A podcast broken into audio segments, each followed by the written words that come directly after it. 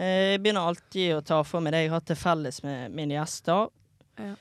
Eh, Med deg har jeg funnet svært lite. Ja, har du? Svært lite. Nei. Jeg eh, har egentlig ikke funnet noe som helst, men jeg tenkte jeg kunne ta noen sånn enten-eller-varianter for å se om vi har noe til felles. da. Så da kan jeg begynne med, med katt eller røyskatt. Katt. Kajakk eller ferge. Kajakk. Men nølte litt der, fordi en god fergetur kan være hyggelig, altså. Ja.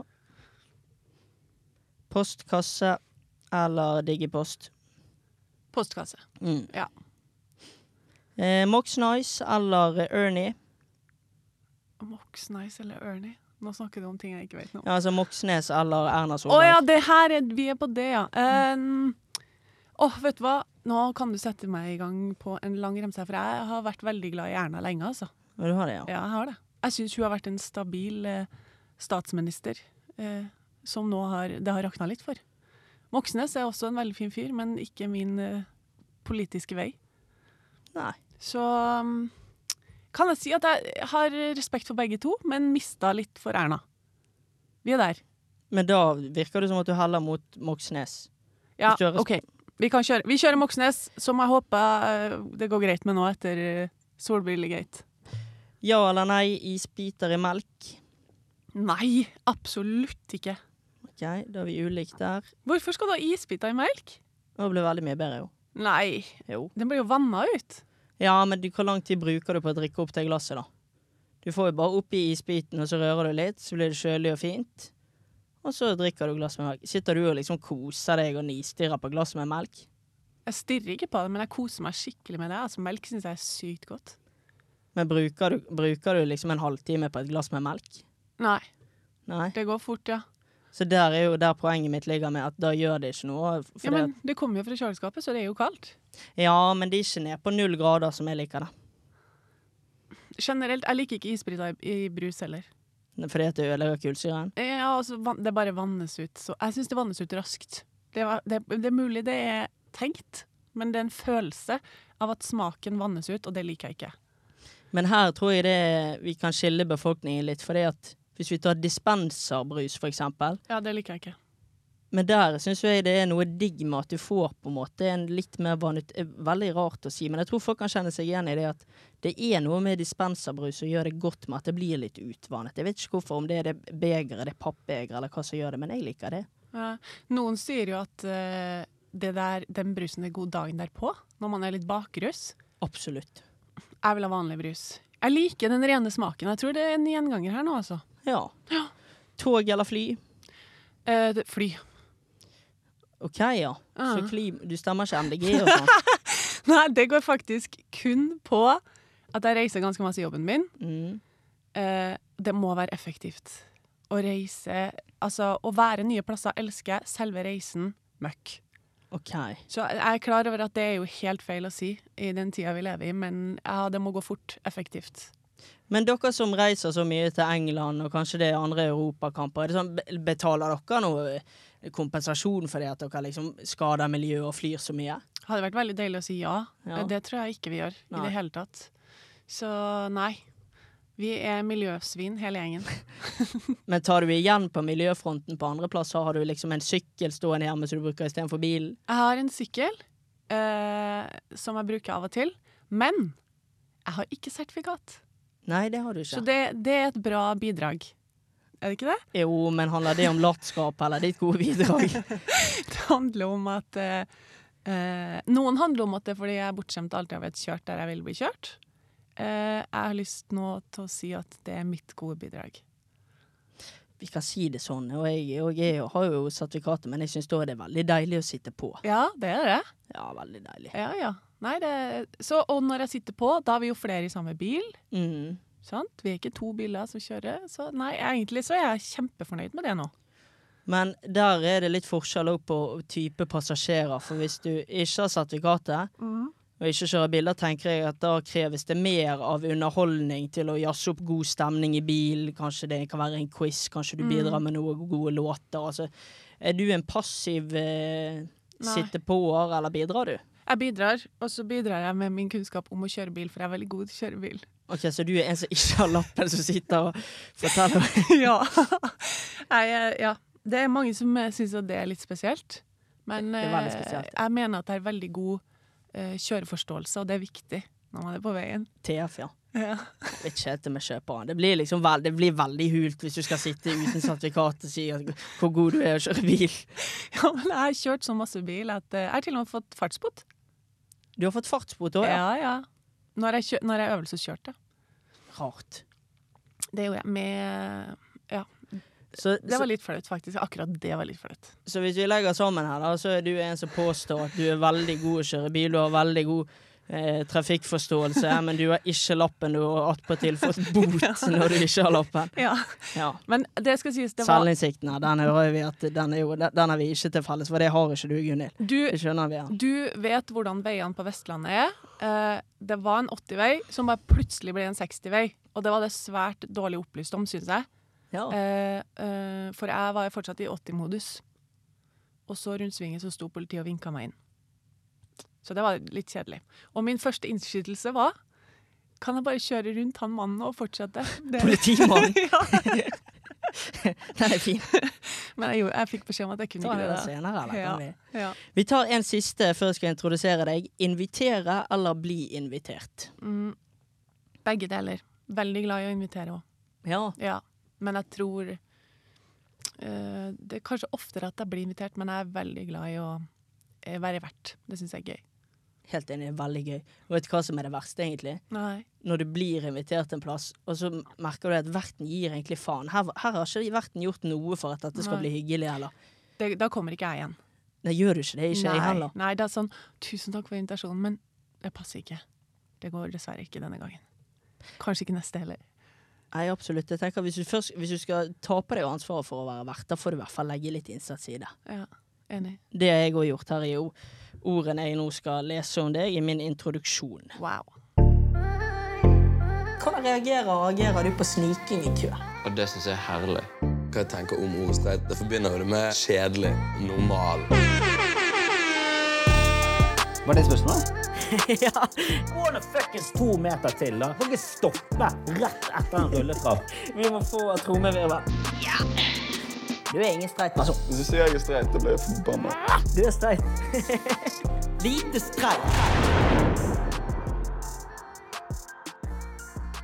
Yes, Mennesker få besøk sendte jeg for første gang en melding 17. januar. Den ble aldri besvart, men jeg bærer ikke noe form for Martha Nag. Jeg har stått utenfor leiligheten hennes med sprettert og egg noen mørke kvelder, men jeg tok til fornuften og sendte henne istedenfor enda en melding for å høre om hun ville gjeste podden. Hun har jobbet med norsk fotball i syv år, hvor hun blant annet har ledet suksesspodkast... Suksesspodkasten Indre bane. Hun har vært programleder for fotballsendingene og holdt folk som Gauseth, Hulsker og Rekdal i tøylene. Nå har hun skiftet beite med bedre vilkår og lønn til Viaplay og Premier League, hvor hun holder folk som Fjørtoft og Kasper Wikestad en check. Hun er en smilende programleder og reporter. Ja, jeg må ta det, altså. Fy faen, det, altså, det smiles. Det smiles noe vanvittig. Vi må finne ut om faktisk er så blid, eller om hun gjør det for det telly. Tidligere har hun jobbet med sport for Asker Budstikke og Dagbladet. Hun har vært enormt både fotball- og pianotalent. I tillegg er hun en av landets raskeste på å løse Rubiks kube. Jeg synes hun er dyktig, jeg gjør det. God energi, engasjert, belest, blid og sier ikke nei til en vits. Gunnis, gun, gunneren, stridskvinnen. Guinness, Hill. Gunn, litt fin på det. Hill. Eller bare Gunhild Voldnes, Eller bare det ekte navnet. Gunhild Nikoline Løken Trollnes. Hei på deg. Hei, så koselig det der var, da. Jo, Ja. du vet du er jo programleder og reporter sånn sjøl. Når du snubler i noe du skal lese eller presentere, blir du irritert da? Eh, I starten av min karriere så da ramla jeg helt sammen. Syntes det var helt fryktelig. Ja. Nå syns jeg det er litt gøy. Du må bare eie det, sånn som når du sa 'skyt meg', eller hva du sa nå. Ja, jeg jeg har ikke noe problem med det. Nei, da, jeg syns, jeg syns det kan være fint, jeg. Hvis du skal presentere noe som er eh, vanskelig, Mm. eh, et følsomt, sensitivt tema, da syns jeg det er greit at det er på stell. Det er kjipt å snuble der. Ja. Men når du skal fjase eller snakke om noe helt vanlig, så syns jeg bare det er fint. For du kan, hvis, hvis eh, noe som jeg er langt ifra, er det hvis jeg hadde vært på Dagsrevyen nå da, og hadde presentert noe fra Ukraina, Det hadde vært litt dumt. og da snub... Ja, men hvis jeg da hadde snublet og sagt 'skyt' Nå skjønner jeg at Ukraina og den 'skyt meg' i etterkant det passer dårlig, men du, du skjønte hva jeg, jeg mente. Ja, jeg skjønte hva du mener, Ja. og, det, og det var poenget mitt. At da er det vanskeligere å gjøre noe ut av den spøken, nei, feilen, og så bare gå videre på en fin måte. Eh, så det er litt kontekst. Jeg syns akkurat i denne sammenhengen, hvor det ikke er blodalvor, det må vi kunne si her jeg og du sitter, så er det helt i orden. Ja. Hva reagerer du mest på her, da? Jeg har aldri prøvd å løse Rubiks kube. Aldri prøvd. Å nei. Så den var jo det kanskje som var mest feil. Ja. Ellers så var det mye bra der. Mye snacks på kallenavn. Eh, du glemte jo et kallenavn som jeg ga meg sjøl på ungdomsskolen. Okay. Det var G-Fantasy.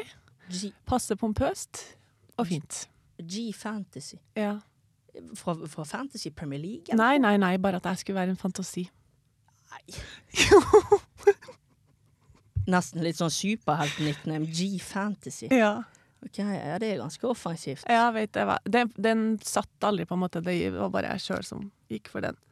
Ellers har jo Ørjan, da, min kollega, eh, gått for eh, Tunnel Goldnes. Altså at han bare bytter forbokstaven på f- Ah, kreativt. Ja. Hva heter han?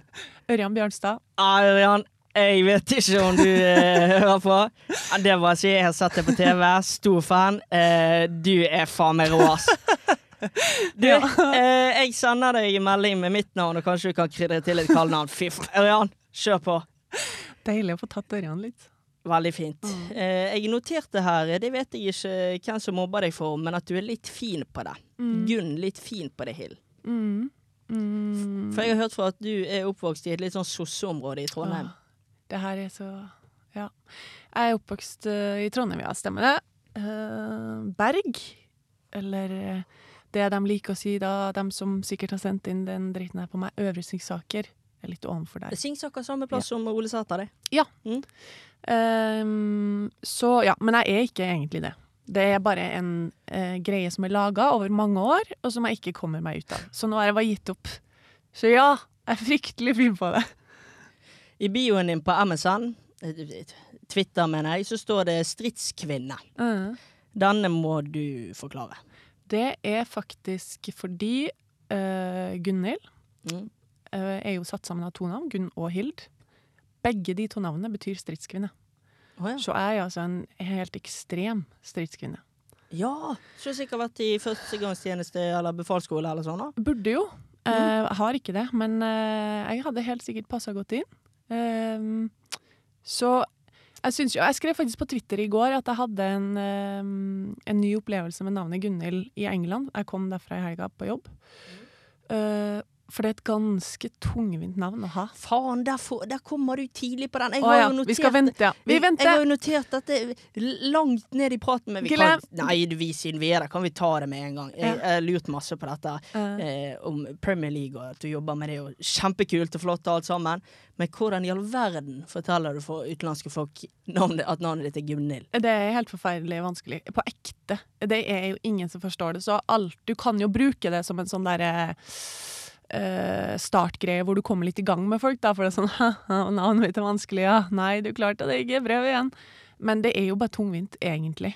Det er sånn samme nå på lørdag da jeg var på jobb i England, så skal jeg ha med en engelsk journalist. Han bare Gni? Gni? Så må jeg liksom vise han akkrediteringa mi. Les her. Ja. Ah, Gni. Yes, great. Så det er fryktelig tungvint, eh, det må jeg bare si. Um, og den tweeten jeg skrev, det var fra flyplassen i Manchester, hvor det var hun som skulle servere meg kaffe, lurte på where the fuck jeg kom fra, for hun syntes det var så spesielt. Så litt tungvint er det, men eh, betydningen av det føler jeg kler meg. Men har du vurdert å liksom gå, gå på et kortere, et nickname, når du er i utlandet? Jeg, sier of, jeg, det, det, jeg har ofte sagt bare G, men det høres litt er gangsteraktig ut. ja. You can just call me G. Ja, jo. Litt vittig er det jo òg, egentlig. Men kunne du for eksempel ja, You can just call me Gun? Nei. Nei. Fordi det, det blir det, det, det passer ikke helt. Ja, kanskje ikke det. Da kommer det med fin på det ene. Jeg kan ikke, jeg kan ikke bli liksom ha en sånn pistolkallenavn. Nei. Det blir, det blir helt krasj, altså. Piano, da. Hvor stort talent uh, var du egentlig? I mitt eget hode veldig stort, ja. Men jeg var jo et talent som ikke turte å Vi har jo alltid, når du spiller Eller går på piano, da. Du har en ukentlig eh, økt med lærer gjennom eh, Statens musikkskole en gang i uka, da, som jeg sa. Og da har du en konsert eller en greie på slutten av året, og det grudde jeg meg alltid veldig til. For jeg var så redd for å gjøre feil. Spille feil. Ja, ja. Så da skjønner du at det var jo ikke akkurat noe sånn derre Det var ikke en ambisjon om å bli en stor pianospiller, men det har gitt meg veldig mye. da. Jeg må si, jeg spiller piano, jeg digger det. Syns det er veldig hyggelig. Jeg er veldig interessert hvis du har det da tilgjengelig. Har du en video for eksempel, på telefonen eller et lydopptak som vi kunne lagt inntil mikrofonen, her, så folk kunne fått et eksempel? Uff. Altså, det har jeg jo garantert fra på et eller annet sted på den kamerarullen. Jeg, skal, mm. jeg finner det nok ikke på rappen nå, men kanskje jeg skal se om jeg finner det etterpå. Du vet når folk sier det at eh, du, Bare la meg ta det litt siden. Jeg skal bare tenke litt på jeg skal bare finne litt fram. Har du noen gang opplevd at det da skjer? Um, nei. Vi får se.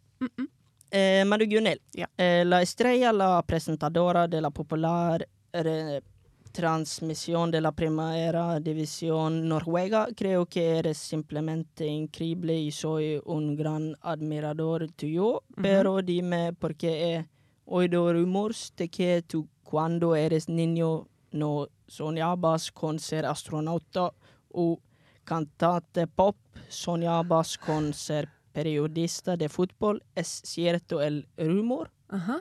Yes. Si ja. Det var en Eros Ramazzotti-tekst, ikke sant? Nei, for du skjønner at jeg på, på statistikken min og podkasten så står det at jeg hadde én spansk lytter. Å ja! Var det det det var? Så jeg tenkte at jeg skulle prøve å få den personen med på lasset videre. Veldig bra. Men det dette her betyr da, det er at eh, jeg har hørt et rykte om at du som liten ikke drømte om å bli astronaut, fotballspiller eller popstjerne. Du skulle bli fotballjournalist. Mm. Ja, altså, men nå skal ikke altså, være kjip her, men er det kjipt Er det en litt kjip drøm å ha som barn? Nei! Det er jo den kuleste drømmen du kan ha. Jo, men altså sammenlignet Tenkte med å bli den nye Beyoncé. Ja, jo jo, det hadde vært veldig gøy det òg. men uh, altså Tenk så mange som eh, Altså, folk flest vet jo ikke hva de vil bli. Nei. Og så har du en sånn greie inni deg at når jeg blir stor, så skal jeg bli det. Og det er jo et dritkult yrke. Altså, for meg, det er mitt Når jeg ikke kan være eh, fotballspiller i Premier League sjøl, da, som eh, Mm. jeg ikke kan fordi jeg er jente. Nå er jeg jo Det har kommet eh, kvinnelig Premier League, da, men, men eh, Da er det her det nest beste. Og det har jeg drømt om hele livet. Og jeg har fått det. Og jeg er så glad for det. Men hvordan kommer man på Jeg vet ikke hvor tidlig den drømmen her eh, kom for deg. Barneskolen. Men hvordan får man på barneskolen en drøm om at å ja, han som står med mikrofon på TV, da, sånn vil jeg bli. Eller hun. Ja. Beklager. Ja, ja.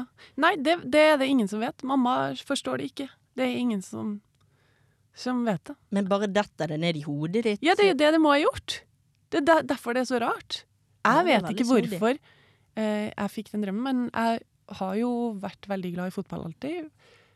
Eh, spilt fotball. En familie som har reist til England for å se på fotball. Når du vokser opp i Trondheim, går på Lerkendal. Altså, det, du blir veldig inn i det. Så jeg vet, jeg vet ikke. Jeg har alltid hatt lyst til å jobbe med det. Men så du lever drømmen i dag, på en måte nå? Ja. Ja. Er det rart jeg smiler? Nei, det, det er jo ikke det. Men eh, jeg blir jo bare fascinert av å, ha det som barndomsdrøm. For man, når man er liten, tenker man på alt Altså, det er helt sånn enorme. Ja, ja. At man skal bli det aller største. Men jeg syns jo det her er Altså fortsatt, det er jo ikke veldig mange jobber i Norge. Altså å være Å få jobbe f.eks. onsite med Eliteserien eller Premier League. Det er jo ikke dritmange folk som får det. Nei. Så jeg syns jo det egentlig er en stor drøm. Og For å stille litt til verks her. Hvis, du kunne, hvis vi hadde nå satt din jobb på ett bord, og så hadde vi satt Beyoncé sin jobb på et annet. Du Mm. ville ikke byttet på noen som helst måte? Nei. Herregud. Det er sant! ja, men jeg skal jobbe med fotball. Sånn OK, er det da. bare. Gu, eh, Guro Reiten sin jobb, da. Ja. Din. Ja. Nærmer vi oss mer Ja. kanskje et bytte? OK. Hvorfor tok du Guro og ikke Tuva Hansen? Jeg kunne tatt Tuva òg. Ja, jeg fikk melding av Tuva når jeg tok en bilde av det sendt. Hun skrev 'hils masse', hjerte, hjerte, hjerte. Ja. ja. Nei, vi, vi sender egentlig ikke hjerter, vi. Nei, Ble du litt varm i kinnene nå? Nei. Jeg, fikk, jeg har- nemlig fått litt informasjon om deg òg, at det her er et sånt tema som du kan bli litt ukomfortabel av. Nei, på ingen måte. Nei. Du har jo, For dem som ikke ser det nå, da. Mm. Jeg sitter jo mot deg, du har Mac-en din på bordet. Ja. og på bordet så er det en gutt som spiller noe plate. Jeg vet ikke, Det er sikkert et bilde av deg med noen briller på, noe rart. Mm. Og så er det noe annet her. Og så er det et bilde av Tuva Ja. Det i branndrakt. Ja, det er et kult sånn klistremerke som jeg, jeg fikk av Brannbataljonen. eller Et eller annet. De hadde laget noe sånn eh, Falt helt av jeg, hva jeg skulle spørre om. Ja. Um, Tørkes litt svette av panna ja. Hun er jo frykk... Jeg må si, mm, for en kjæreste du har. ja da, hun er rå. Ut, ja, hun er jo fotballspiller, helt rå. Men hun, uten at jeg kjenner henne så godt, hun er jo utrolig hyggelig, sjarmerende dame. Ja da. Ellers hadde jeg ikke giddet å være sammen med. Nei, men jeg tenker jo litt Her, hvordan har du klart dette? Sitter jeg og tenker. Hun var gjest der, hun òg. Så du sjekka opp gjesten din? Eh, nei, det var vel egentlig motsatt. Den historien får vi ta en annen gang. Men eh, fordi at vi, det er alltid Det har blitt en sånn jævla trend nå, Ja, jeg skjønner du? At eh, gjester skal komme her skal Jeg skjønner jo at det klistremerket ryker, men det skal jo for faen ikke handle om men, jeg, men well played. Well Ja. played, du skal få den. Ja. Men har du eh, for Transition. Kom igjen, nå! Kom an! Bare bli med oss her. Ja, ja, ja. Eh, Har du studert journalistikk? Jeg har en bachelor i medievitenskap fra Trondheim. Oh. Eh, og så flytta jeg til Oslo, og så tok jeg et år med sportsjournalistikk. Og så, da var jeg allerede i gang med å jobbe. Så da var jeg ferdig etter det. Men hvordan har du havnet Vi nevnte jo du jobbet litt i Dagbladet og eh, litt i Asker Budstikke. Skal vi kalle det kanskje da eh, det stupebrettet du hoppet på før du havnet med norsk fotball, for eksempel? Men hvordan får du din første jobb som fotballjournalist? Altså, det jeg gjorde aller først, var at jeg er jo Tottenham-fan på min hals. Uh, så Er du klar over eh, Men nå avbryter jeg deg, men jeg har bedt folk sende inn av Ja. Ja. Og det er så mange, sikkert de som følger Premier League-sendingene deres, da. Hva, hva heier Gunhild på? Hva er favorittlaget? Hva er favorittlaget? Så, så, men ta nå et jævla Google-søk, da, så finner du Ja, det er ikke så vanskelig, nei. nei det, det har jeg vært åpen om òg. I hvert fall fordi jeg da ehm, tok kontakt med Tottenhams Venner, som norske supporterklubben heter. Heter han det? Høres jo litt ut som sånn Jehovas vitneaktig. Ja, eller en bamseklubb? Ja, eller det. Ja. Litt sektaktig, i hvert fall. Ja. Eh, men på mange måter så er jo en eh, supporterskare litt sånn eh, Det fins jo noe likhetstrekk der. Eh, men da tok jeg kontakt med dem og begynte å skrive for Det Norske Supporterbladet. Og det gjorde jeg jo i mange, mange år. Oh, ja. Eh, det er jo bare sånn gratisjobb. Og- Nei. Jo, hobbybasis, ja. Det er, det er vel I den redaksjonen så har de alltid én ekspert da, som skriver en spalte hvert blad, og det eh, var med Lars Kjernås i mange år. Eh, og de, dem tror jeg får sånn en symbolsk sum på 5000 i året eller et eller annet. Alle andre som skriver i det bladet, gjør det eh, gratis på hobbybasis. Fikk du noe kampbilletter eller noe tur? Jeg eller vant vel ett år liksom årets bidragsyter, og da fikk jeg reise over og sånn, så det var jo kjempestas. Ja. Eh, men jeg tror jeg gjorde det i ja, nesten ti år. Eh, og da jeg søkte på sånn sommervikariat i Asker og Bærum Budstikke, da var det to Tottenham-fans i den redaksjonen som sa hun her, hun må vi ta inn. Fordi de hadde Ah. lest hva jeg skrev der. De to som ansatte de heide på Tottenham og leste det i Tottenhams venner. Ja. Den er grei, da. Mm. Så fordi det er jo litt sånn Nå har det blitt bedre, men det er jo ikke så veldig mange jenter i mm, sportsbransjen. Sportsmediebransjen. Så jeg tror liksom når du skriver for et supporterblad, så stikker du deg litt fram og, og viser et eller annet slags initiativ, da. Ja, du viser i hvert fall et sjeldnere engasjement, ja. Ja. Så da plukka de meg opp, og så fikk jeg lov å starte der, selv om da var jeg veldig fersk og ikke så god. Men så, jeg, så fikk jeg muligheten, og derfra inn til Dagbladet. Eh, Det høres ut som du har jobbet for å oppnå denne drømmen hvis du har skrevet gratis i ti år. Ja ja, selvfølgelig har jeg gjort det. Ja. Er du liksom en sånn har du, Før du nå har det som sikkert er din drømmejobb, da, å være programleder og reporter for Premier League-sendingene, Mm. har du vært en sånn ordentlig grinder, en sånn sliter? Um, jeg har jo på en måte gjort uh, alt jeg føler jeg kan for å komme dit, da. Mm. Uh, og når vi snakker om eh, Asker og Bærum Budstikke, så var jeg jo da på sånn ungsport, som det heter. Altså barnefriidrettsstevna. Ja. Eh, jeg var i skibakken ute i Skui der og dekka hopprenn for guttertall. Ja, men sant. Og, og det er jo Det er gøy, det. Men eh, når du da vil jobbe med fotball og, Mm. og sånn, så er jo det et stykke unna, men det gjør det jo. For at det skal gi deg erfaring for å komme dit du vil. Så jeg har vært på, på mye forskjellig type sport og dekka det, og jeg er Ja. veldig glad for alt. ass. Nå skal du få en tøff en av meg. Oi. Syv år med norsk fotball, er det det cirka? Mm. Hvor mange har du i Premier League nå, da? Nesten nærmer seg to? Eh, Ja, eller en, vi, vi har nettopp begynt på andre sesong, da. Ja, OK. Så Men én pluss litt. én pluss litt. Uh, men hva liker du best å jobbe med av de to tingene? Det spørsmålet har jeg fått veldig mye, Mm. uh, og jeg syns ikke det er så vanskelig, fordi uh, du må jo gjerne ikke svare, men begge deler er like gøy, på hver sin måte, og det står jeg 100% for. Det er ganske forskjellig, selv om det er fotball, begge deler. Ja. Eh, og grunnen til det er at når du jobber med norsk fotball, så er du inni eh, materien. Det er veldig nært. Det er ekstremt nært. Altså, du vet hvem som eh, går gjennom kjærlighetssorg, og hvem som eh, har en kjenning i akillesen, og at treneren har krangla med han på Mm. eh, økt den uka som har vært. Selv om du ikke får brukt alt, men du vet så sjukt mye av det som foregår. For, var du en sånn journalist som hadde kontakt nesten hele tiden med forskjellige folk og trenere? Kunne, kunne du bare ringe for å ringe for å høre litt? Ja. Jeg syns det er helt fantastisk gøy. Og det, jeg prøver å opprettholde det enda. Mm. Eh, fordi at eh, det gir så mye. Og det som er fint med å ikke jobbe med norsk fotball mer, er jo at nå kan alle de folkene som jeg satte veldig pris på som reporter, gli over til mer vennskapsbånd, da. Ja. Du prøver å holde en viss distanse når du er journalist. I tilfelle du skulle jobbe med det igjen, ja. Ja, mens nå så så trenger jeg ikke tenke på det i like stor grad lenger, og det, det er kjempefint, det òg. Mens Premier League, da er det jo det er verdens kuleste, eh, beste liga. Eh, helt sinnssyke prestasjoner, rå stjerner. Altså, å komme til England er jo eventyr hver eneste gang, så det er mm, Det er en ekstremt privilegium å få, få være med på. Og så er det annerledes. Der er det sånn at du går inn i en trang, trang boks etter kamp. Du vet ikke hvem du får snakke med, for det er ikke som i norsk fotball at du kan peke og jeg vil si jeg vil ha Palle etter kampen, jeg vil ha Mm. sånn og sånn. Det er bare du får Diego Dalot, for, forbered deg nå.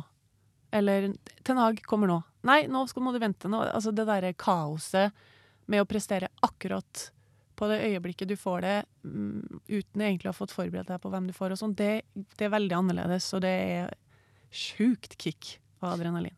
Men når dere f.eks. er på United mot Liverpool, hva står i deres avtale etter kampen? Skal dere få prate med Er det bestemt at dere skal få prate med en spiller og en trener fra hvert lag? Helst ja, vi skal det. Eh, og så er jo Viaplay har jo eh, Premier League i mange land, så på lørdag da jeg var på Turf Moors og Burnley Manchester United, så var både Viaplay Danmark og Sverige der, i Mm. tillegg til meg. Og da får ikke alle vi tre snakke med managerne.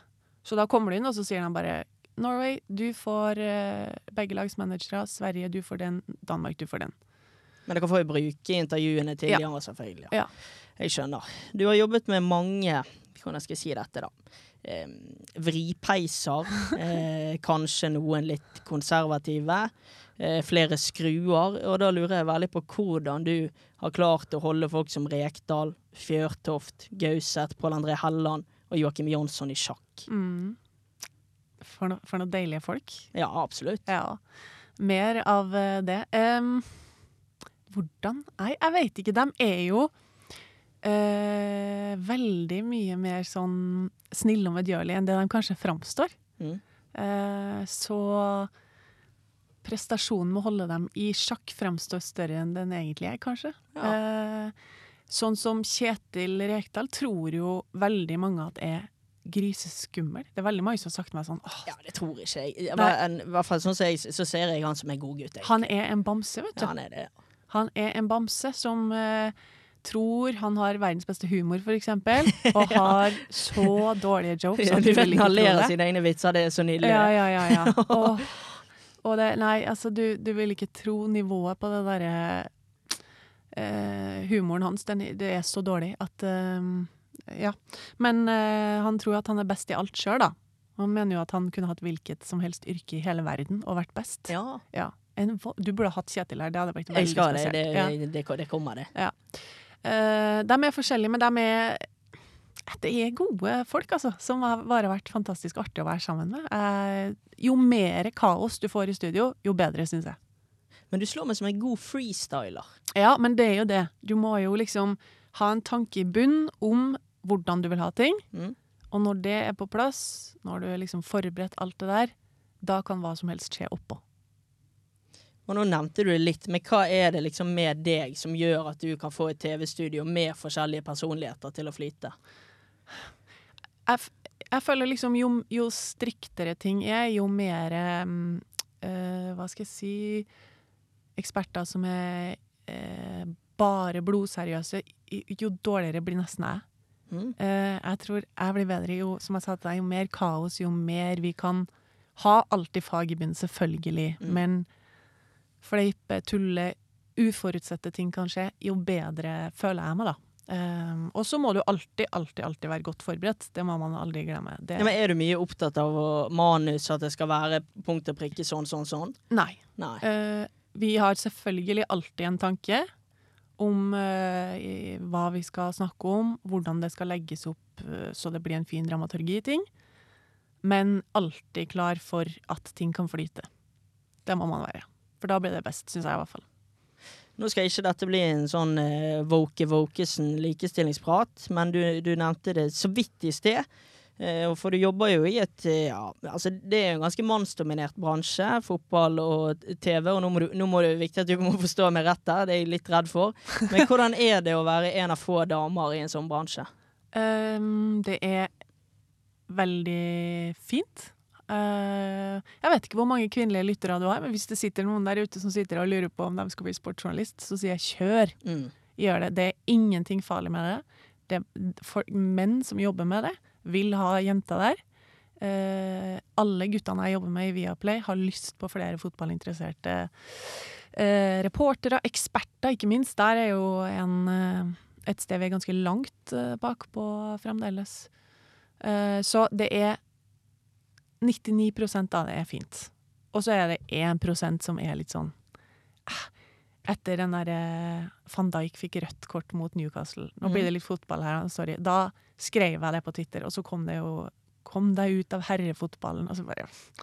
Men der trår du òg inn altså når du, nevner, når du nevner Liverpool Ja, og det er et rødt kort i samme tweet, så tror jeg uavhengig av kjønn så ville saken ha kommet. Det ville. Og så er det som på en måte gjør det spesielt, er at eh, Morten Langli, som eh, en god kompis av meg, han nå får Når han melder noe på Twitter, Ah, ja. så får han jo ganger 100 det jeg får, selvfølgelig, men masse, masse, masse drit, og så ganske sånn stygg hets. Eh, mens kanskje når det kommer til oss jenter, så går det mer på kjønn og sex og Ja. litt sånn der type ting, da. Det er det som er greia, at det skiller seg eh, litt ut på den måten, tror jeg. Um, og jeg husker den første gangen jeg fikk eh, jobb i Dagbladet, hadde som fotballprogram. Da var det jo veldig mye sånn i kommentarfelt og sånn. Da, da var det ganske mange som skrev at jeg hadde hatt sex med sjefen min for å få jobben. Nettopp. Så det, det, det var liksom min første opplevelse med det. Så da, det, var, det var litt spesielt. Men Første, første naturlige Ja. å tenke. ja. Så ja, men, men litt sånn der drit er det. Alt i alt nydelig og eh, bare gode opplevelser, og plass til veldig mange flere. Og nettroll og tastaturjegere, de forblir jo det. Mm. Men tror du eh, sånn generelt, tror du det må gjøres noe for å få den andelen mellom menn og kvinner mer jevnet ut? Uh, jeg tror i hvert fall det er viktig bare hver gang man har anledning uh, å si at det er veldig åpent ønskelig, altså, sånn som jeg gjør nå, da. eh, at vi passer på på en måte for å formidle det. Og så tror jeg kanskje at eh, Jeg hørte faktisk en av de tidligere podkastene dine, så sa du at det var lettere å få mannlige gjester enn en kvinnelige. Jeg vet ikke om du har Ja, spurt litt. mange jenter Litt. som har sagt nei? Eh, Nei, og så kan jeg jo være helt ærlig på at jeg kanskje kjenner til flere menn Ja. enn damer òg. Ja. Men eh, ja, litt. Jeg har jo hatt den opplevelsen uh, i mange år at jeg har spurt jenter, om å, altså kvinnelige fotballspillere og sånt, å være med på ting, Ja. og fått nei veldig mye. Mm. Uh, fordi at de tenker at de ikke kan nok, uh, ikke nok interessert, ikke skal gjøre alt korrekt riktig, eller 100% riktig, mens gutta bare sånn 'Jeg blir med, det går bra'. Men tror du jenter er dårligere på å liksom bare hive seg på og si ja med en gang? Veldig generalisering, men kanskje litt, ja. Ja, altså det, det er jo, Nå er det jo selvfølgelig fingeren bare rett opp Ja. i luften her, men eh, altså, hva, eh, jeg er jo interessert i å finne ut hva som gjør det, da. Nei, jeg vet ikke, men akkurat i den, i hvert fall hvis vi snakker om i fotballen, da, så tror jeg at eh, det er mange som er redd for å ikke eh, gjøre alt riktig og da bli tatt. Mm. Og jeg har jo opplevd Det, det er jo noe jeg snakka med mine mannlige kollegaer om. Jeg har jo opplevd at jeg har hatt eh, gjester eller livesendinger med trenere, spillere, liksom, hvor jeg har fått kommentaren etterpå sånn Ja, men du kan jo fotball, du. Nei. Helt sånn overraska. Men det er jo ikke stygt ment. Neida. Men vi er ikke så mange, så derfor kanskje er det uvant. Eh, så det kan det jo bli. Men eh, nå må du også forstå meg rett igjen. Men har du opplevd eh, noe når du har reist mye, noen situasjoner eller kommentarer eh, som kanskje ikke en mann ville opplevd? Ja ja, det, ja, ja, det gjør man jo. Og så må man av og til gi f litt F, Mm. eh, og av og til så må man si fra. Det er litt sånn eh, Hva er sagt og ment litt fleipete, og så har det gått eh, Så slår det litt feil. Eh, og hva er på en måte folk som er bare kjipe og, og bør få seg en, en liten beskjed, da. Eh, det, det har skjedd, men ja, ikke nok til at Hva skal jeg si dem som ikke er sånn, er så mye større gruppe. Så det er litt sånn kjipt å vie de der idiotenes eh, oppmerksomhet òg. Da det, det er jo bare bensin på bålet. Ja, ja, akkurat. Da når de sitter og Ja, koker er hjemme i sånn- kjellerleiligheten til moren og, og, og, og drikker Da blir det jo blodcola. De er jo ikke Cola Light der. Det er jo, og så bruker kanskje godt over gulvet der med en GIF våtmopp, kanskje, og, og, tatt, opp, Innimellom. og tatt opp persiennene på, på vinduene. Ja, Åpna vinduet, kanskje fått frisk luft. Ja, også. gjør det òg. Mm. Jeg tror luftrenser òg, jeg. Ja. Få inn en sånn eh, Få inn en sånn når du skal tørke hvis det har vært lekkasje i et hus, så får du inn en sånn, en sånn blåser for, for, for, for varm luft. Kanskje bare få inn et sånt stort et sånt aggregat, bensin. Uansett. Men eh, en siste ting på, på denne praten her som jeg syns er veldig interessant, det må jeg få si. Eh, og det at jeg ser meg sjøl som ganske oppdatert. I tillegg er jo jeg på mikrobloggtjenesten Twitter. Mhm. Ja, Der var du gjest i en fotballpodkast som jeg fikk med meg, hvor du fikk spørsmålet er du faktisk interessert i fotball. ja. Eller det var formulert på en litt annen måte, men det var, det var, det var sånn jeg tolket det budskapet. ja. Og hvordan liksom, når du får et sånt spørsmål, altså, hva går gjennom eh, knotten da? Nei, for det var litt irriterende det der, fordi at han som stilte meg det spørsmålet, kjenner jeg jo også fra før, da. Eh, eh, og så tror jeg at Jeg tror det kom ut litt feil. OK, så bra. Fra, så bra. fra eh, Ashkan, som han heter. eh, og likevel, da, eh, så, så, så er det et spørsmål som Marius Skjelbæk hadde vært med i uka før. Han hadde jo ikke spurt Marius om det samme. Nei, det hadde han ikke. Nei, jeg, tror- jeg tror ikke han hadde gjort det. Men eh, der blir man satt i en Det er en klassisk situasjon hvor man føler, eller jeg i hvert fall føler som jente, at jeg ikke kan løse eh, riktig uansett. Fordi det skjedde helt i starten av podkasten. Så hvis jeg tar Arskan på det og sier sånn, og liksom gjør en greie ut av det, så kan det bli litt sånn kjip stemning. Ja, i hvert fall hvis det er tidlig i praten. Det var liksom introduksjonen Uff. av meg. Eh, og så eh, bør du på en måte ta det òg, syns jeg, da. Fordi når jeg ikke gjør det, og så svarer jeg han på spørsmålet, så på en måte legitimerer jeg det òg. At det er greit å spørre om, men det er jo egentlig ikke det. Nei. Hvorfor skal jeg få spørsmålet om jeg er ekte fotballinteressert? Tok du det med han etter praten da? Eh, Jeg rakk ikke å gjøre det før Martin Sleipnes fyller i stand litt på Twitter. Men jeg kan godt snakke med Arskan om det. Jeg, han sa at han ikke mente sånn. Jeg velger å, um, å tro på han. Jeg tror det kom ut litt skjevt. Det der er en supporterpodkast som eh, er et veldig godt initiativ av dem som gjør det. Og det går an å trå litt feil. Det, det må være lov, Ja. må ikke det? Jo, jeg syns det. Så må vi heie. Vi må heie på hverandre. Ja. Og vi må være blide. ja. Og vi må bare kjøre på. Ja, det er det vi må. Det det vi må. Og så kan jeg bare si helt til slutt at jeg har et inntrykk av at Jeg skal ikke snakke for mye om uh, Tuva igjen nå, men de som er fotballspillere i dag, da, sånn som hun og Guro Reiten, Maren Mjelde, uh, Guro Bergsvann, hele den gjengen der, Mm. uh, Frida Månum det, Mitt inntrykk er at eh, de har mer lyst til å være med på ting. Når vi er på eh, Emirates, så kan Frida Månum være med på indre bane før og snakke og si ja til det. At de, tør mer, er mitt inntrykk. Og kanskje er vi mer på også. eh, det er mange ting som, som gjør det, men jeg, jeg håper det er riktig inntrykk, og jeg håper at vi har mange fremtidige fotballeksperter i den gjengen der. da. Klart. Mm. Fantastisk. Som du skal leve på resten av livet, sant? Som jeg skal leve på resten av livet. Merker du hva vi driver med nå? Nei, men merker du hva vi driver med nå? Nei. Dette er en prat, Gunhild. Ja, det er det. Ja, fy faen, det prates jo her. så deilig. Vi kommer med, vi kommer med, jeg kommer med innspill, kanskje ikke alle er like gode. Du kommer med, med faglig tyngde. Altså, dette er jo en samtale. Ja, nydelig. Jeg liker det. Skal jeg fortelle deg hva vi skal prate om resten av samtalen? Mm. Vi skal gjennom en vi på rød eller grønn bølge. Basically prater vi om hvordan det går. Vi skal ha en Let us get to know you. Jeg har skrevet en rekke fordommer om deg, hvor vi bekrefter og avkrefter de i etterkant. Mhm. Vi skal ringe CP.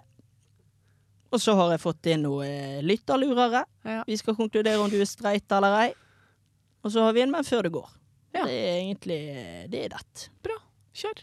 Vi går opp er vi på rød eller grønn bølge, vi. Hvordan går det med den? La meg si det slik. Rakk ølsalget med ti sekunder i sted. Ja, hvordan går det nå igjen? Nei, kjørte over katten min i stedet, så er vi på rød eller grønn? Hvilken bølge surfer du på i dag, Gunhild? Er det den grønne eller den røde? Den eh, voldsomt grønne. Nei, jeg blir lei av Alle har det så bra av de jeg inviterer. Alle har det bra. Ja. Alle har det bra. ja. Jeg skulle gjerne sagt, eller ikke det da for min del, men for din del skulle jeg gjerne sagt liksom at jeg hadde det dårlig, men jeg har det veldig bra. Veldig greit for meg, for nå hørtes det ut som at jeg var interessert i å sitte her og leke hobbypsykolog, og det har jeg på ingen måte. Nei. Nei, da ville jeg anbefalt å besøke hvem som helst andre. Ja, det kunne vært interessant, det òg. Nei da, men jeg, jeg er ganske grønn sånn uh, jevnt over i livet, tror jeg. Dette med at jeg opplever deg så smilende og positiv og glad. Mm. Når du drar hjem og, og lukker døren og skrur av alle lysene i leiligheten, er du da pottesur? Nei. Så du, du er bare sånn? Ja. Jeg tror jeg er født glad, ja. Du, eh, har du hatt Vegard Vågbø som gjest i podkasten? Ja da. Ja. Han er jo en veldig god venn av meg. Mm. Uh, og Vegard uh, er ikke alltid så glad på morgenen. Uh, vi jobba jo sammen før, Ja. og da tok vi samme buss til jobb. Og det skjedde ganske ofte at Vegard satt på bussen når jeg skulle hoppe på. Han så meg, og, og jeg så at ansiktet hans bare Å, fy faen. Nå må jeg prate. Nå må jeg prate. Det skjedde veldig ofte at han ikke tok ut headsetet sitt. Han hadde ikke noe ønske om å gjøre plass på setet ved siden av seg. Han kunne gjerne bare La oss bare være fra hverandre til klokka har bikka ti. Vær så snill, for jeg vil ikke få det der happy trynet ditt opp i meg akkurat nå. Dette vet jo jeg litt fra før, og jeg vet hva jeg gjorde i går for, for å plage han litt. Nei. Forsøkte å ringe på FaceTime. Gjorde du det? Mm. Da ble han sikkert sur på deg. Ja, da fikk jeg mail, me melding om at FaceTime driver ikke med. det kan jeg se for meg. Men hva går dagene dine til nå, da? Eh, veldig masse jobb. Mm. Veldig glad i trening. Det er viktig. Eh, det er faktisk en viktig faktor for at bølgen er grønn. Det må jeg si. Og så henge med folk og gjøre mest mulig gøy hele tida. Ja. Mm. Hva liker du å gjøre da, når du ikke er på jobb og du ikke er på trening som du elsker? Mm, helst så mye forskjellig som mulig. Denne uka så skal jeg på den, den der boklanseringa til Tete og Svenn. Boklansering kan Ja. være gøy. Du vet hva jeg har lagt merke til? Nei. Emil Gukild, Ja. Simon Nitsche, Ja. Sven Biskår Sunde, Mm. Tete Lidbom og Nicolay Ramm har da altså publisert bøker så å si samtidig, nesten. Er det, tror du de har en sånn felles pakt, en sånn klubb? Eh, Helt sikkert. Og så skal alle på en måte reklamere for hverandre, og så bare blir det, blir det kjempebra. De har hatt en sånn liten sånn kollokvi. Skytet sammen. Jeg. Planlagt, ja. Det er grenser for hvor mange bøker man kan pakke inn under Ja. tre år, tenker jeg da. Men eh, de andre sine bøker har ikke jeg fått med meg hva er for noe. Nei, Nicolai har Nei, faen, du skal ikke drive sånn promo, glem promo det. for dem. Men det, han har en barnebok, og oh, ja. Gukild og eh, Simon har vel en det er sånn quizbok. Ja, stem, det har jeg fått med meg. Det er Ja. sant. Men eh, ja, Så det er for eksempel én ting. Eh, for noen uker siden så var jeg på Bjerke og så på hest, hesteløp. Ja. Um, gå og ta en øl er jo veldig fint. Veldig fint. Um, på torsdag skal jeg bade litt i en badstue på sjøen. Men se på det. Så li, sånn forskjellig. Bare ha det gøy. Skal vi prate litt om denne jobben i Premier League? Vi kan det. Jeg må spørre helt fra start av. Eh, Jeg leser jo aviser, og det har stått mye i media om din nye arbeidsgiver. Mm, Og nå, ja, ja. og nå forstår jeg jo at du ikke er noe sånn uttalt eh, kommunikasjonsperson for Viaplay. Nei. Men noen av overskriftene her, da, det er jo aksjeraset fortsetter for Viaplay. Viaplay sier opp 25% av de ansatte. Ja. Viaplay varsler prisøkning. Nå skjønner jeg at du ikke er en uttalte talsperson for dette, men merker du, hva merker dere ansatte til disse tingene? Eh, altså, nå, nå lo jeg litt når du leste opp det her, og det er jo eh, Ja.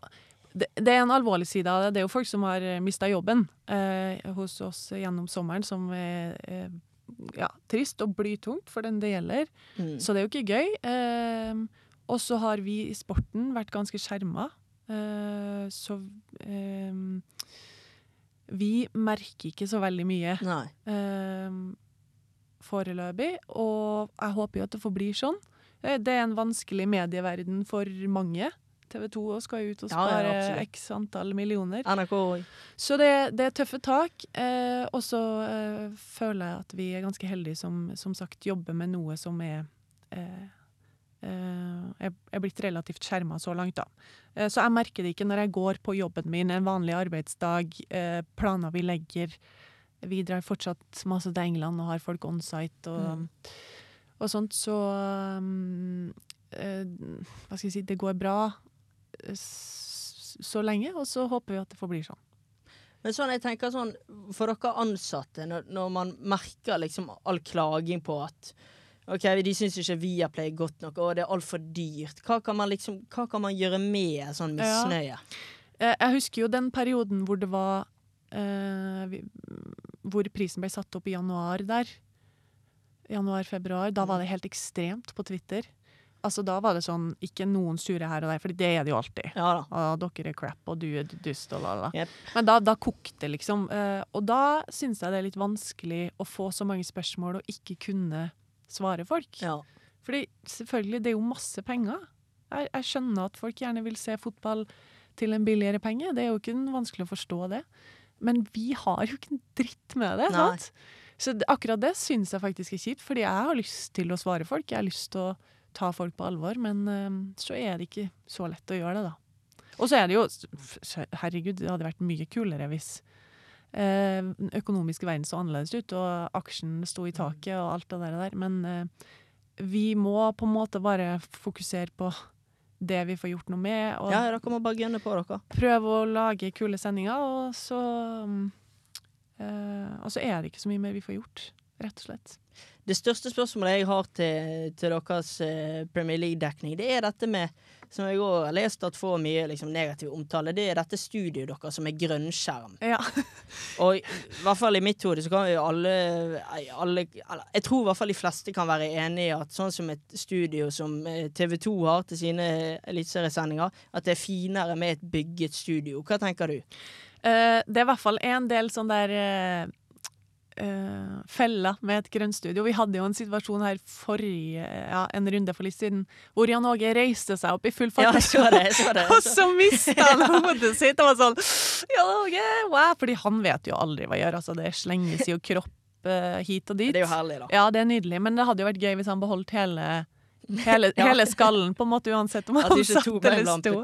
ja. Så det er jo noen sånne be naturlige begrensninger med grønnstudio, det er det jo. Ja. Eh, og så har jo alle Viaplay-landene som har Premier League, har jo det her i studio. Så det er jo det på en måte er jo en internasjonal eh, Bestemt internasjonalt. Så, så det heller får ikke vi gjort noe med, og så må vi jo prøve å bruke grønnstudio så godt som mulig, da, for det gir jo en del sånne muligheter som man ikke har i et fysisk studio.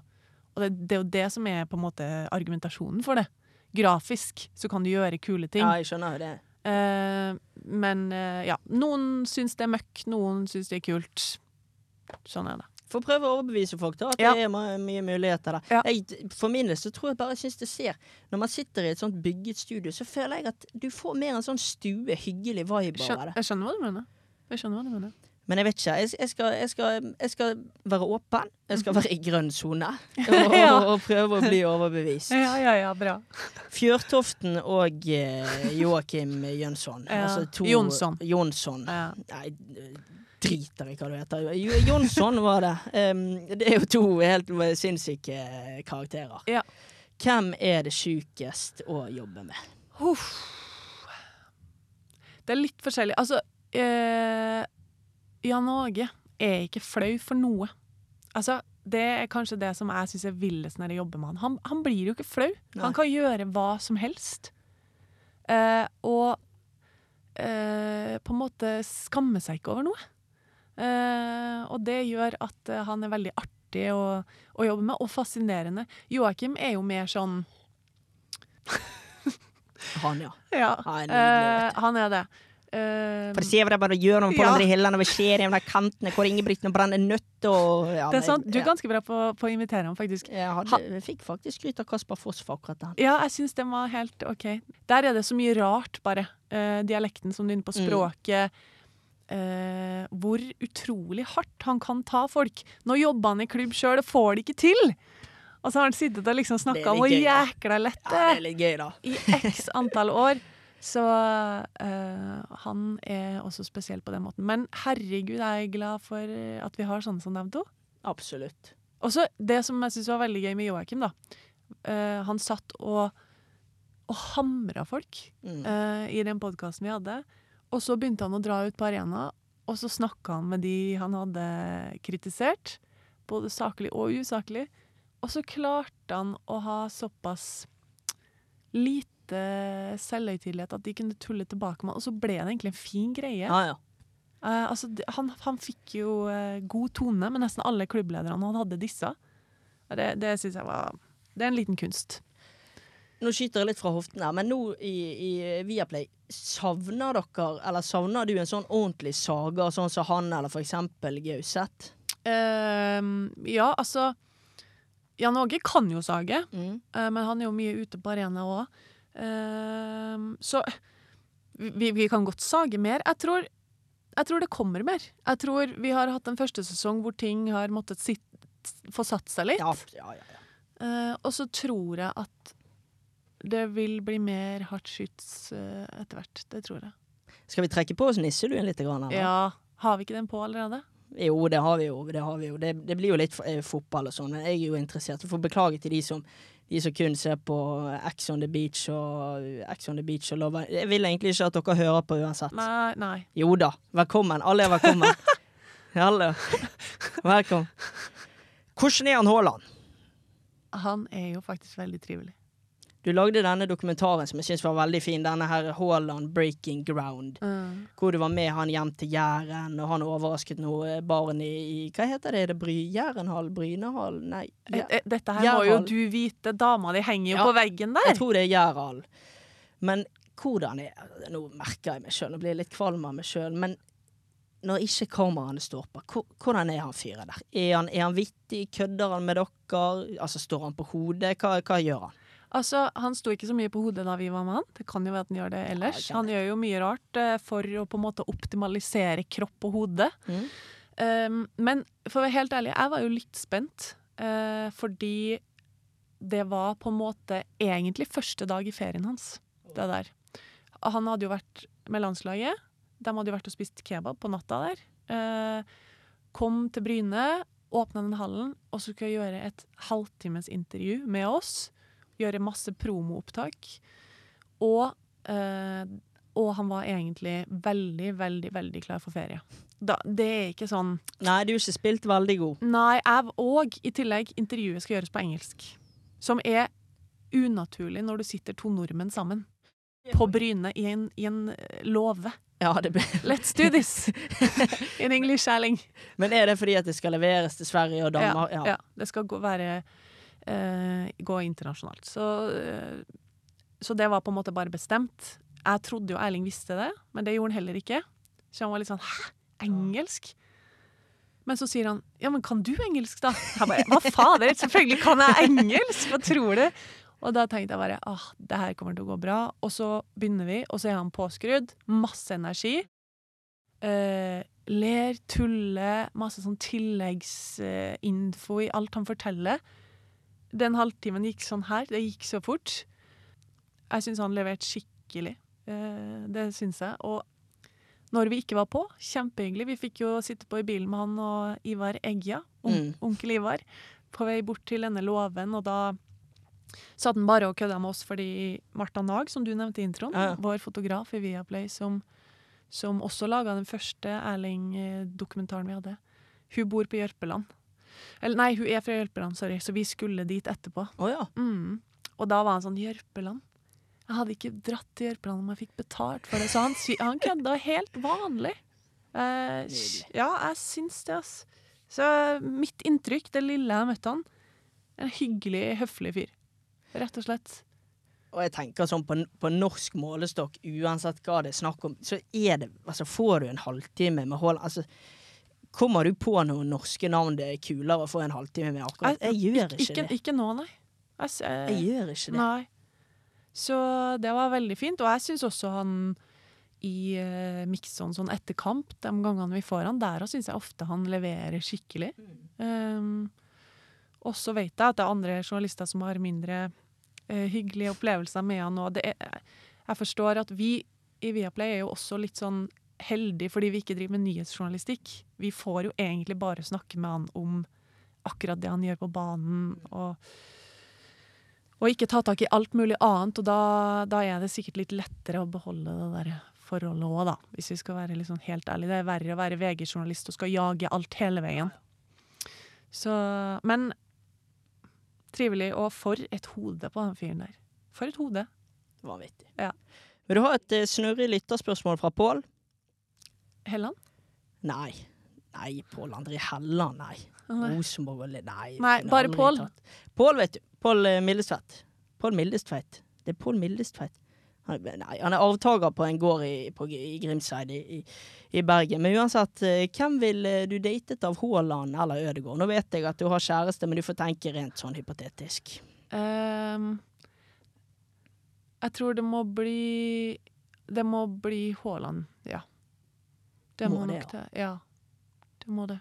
Hva er det som gjør at du velger Haaland foran Ødegaard? Sånn i utgangspunktet, så det jeg har minst lyst til i verden, er jo en date fotballspillere.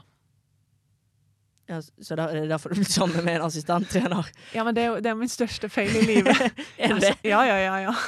Altså, én ting man ikke gjør som fotballreporter, er å være sammen med en fotballspiller. For det, dette har jeg hørt at du har sagt tidligere òg. Når du jobbet med norsk fotball, så sa du at ja, du skulle i hvert fall ikke bli sammen med en spiller eller en fotballtrener. Og nå sitter du her sammen med assistenttreneren i Molde. Det er så pinlig. Er det det? Ja. Det er litt gøy òg, da. Nei, vet du, det, det kanskje det tidspunktet i livet jeg følt meg mest som en hykler. Da ble jeg sammen. Så det var ikke planen. Det var faktisk det motsatte av planen. Og her eh, igjen med det eksempelet du på en måte Jeg har veldig lite lyst til å bli sammen med en fotballspiller. I hvert fall en sånn verdensstjernefotballspiller. Men hvis jeg måtte, så måtte det jo blitt han. Ja, det måtte det. Ja. Men jeg må bare ta oss tilbake til dette med at du er sammen med Erik eller Eirik? Eirik. Eirik, assistenttrener. Slutt, Norge, slutt med det! Bestem oss, Eirik eller Erik. Nå, det, det blir for mye. Syns du ikke det er to helt forskjellige navn? Nei, det er drit... Nei da, det er to flotte navn. Ja, men jeg syns, de er veldig ulike. Erik, da, da er du streit. Da er du veldig A4. Oi, da kommer Eirik, da kan du være litt sånn tullekopp. Da kommer Norges beste fotograf Erik Teige til å bli litt skuffet. Han heter jo Erik. Å ja. Han gjør det. Men eh, hvor var jeg igjen? Sorry, Erik. Det jeg lurer på med eh, kjæresten din, eh, Eirik, som er da assistenttreneren til Erling Moe i Molde. Ja. Er dette her et litt sånn hyggelig intervju før eller etter en fotballkamp som har utviklet seg? Uh, nei, fordi Eirik uh, var ganske habil uh, midtbanespiller, Mm, men fryktelig mye skada. Så jeg, jeg tror nesten ikke han har spilt mens jeg har vært reporter på Haugesund Ah. stadion. Eh, så det faktisk eh, var eh, at jeg snakka med han på kaien i Haugesund etter en kamp, Oh. sammen med Kenneth Fredheim og Joakim Jonsson, tror jeg. Øl eller vin er involvert? Ja. Mm. Eh, og her kommer da mine fordommer mot fotballspillere fram. Jeg liker å si at fotballspillere er enspora, kjedelige. Eh, veldig mange av dem er litt egoistiske. Eh, Sier du nå at du ser på fotballspillere som noen som sitter hjemme og spiller Fifa og, og drikker Pepsi Max og går på trening, og that's it? Er det det du sier? Og noen av dem eh, litt prega av at klærne ligger der når de kommer på jobb. De vasker til neste dag. Eh, når de skal fly et sted, så er det en eh, lagleder som har billetten deres i hånda. Ja, det er det jeg sier. Ja, hvis vi skal kanskje ikke dra alle under en kam, men at noe av dette her kan stemme for noen, det kan vi vel konkludere med. Ja. Og da vi var ute, så fortalte han at han hadde en bachelor i økonomi, og at han hadde lest en bok. Og da var vi over oss av begeistring! Så vi gikk igjen i kvelden og bare fy farao. Det var litt av en kar, altså. Han, øh, han har gått på skole, og han har lest en bok. Så sånn starta det. Så det skal, det, skal, det skal ikke mer til for deg. Ja, du skjønner det at eh, jeg har lest eh, biografien til Zlatan. Jeg er Zlatan. Ja. Nei, det, det, det, der ligger lista. Nei da. Men eh, det var jo lenge før vi ble sammen òg. Ja. Og så ble vi jo ja, sakte, men sikkert eh, kjent. Og så Ja, hva skjer etter det? Hvem er det som sender første melding? Han, ja. Jeg- Ok, ja. du du Det sa du, det sa du veldig tidlig. Han, det var han. Selvfølgelig er det jo han som har sjekka opp meg, og ikke motsatt. Ja. Så jeg føler på mange måter at jeg er lurt inn i det her, eh, og nå er jeg fanga. Ja, men ikke det fint, da? Ja. Drit nå i det. Ja. Kos deg. Ja, ja.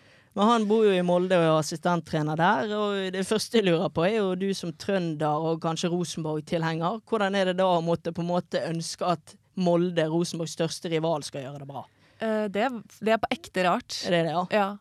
Jeg var jo i Istanbul og så dem spille kamp der. Eh, og jeg var vel den eneste i det Molde-følget som ikke hadde på meg en Molde-effekt. Mm. eh, Et skjerf eller en drakt eller noe sånt, for det går ikke.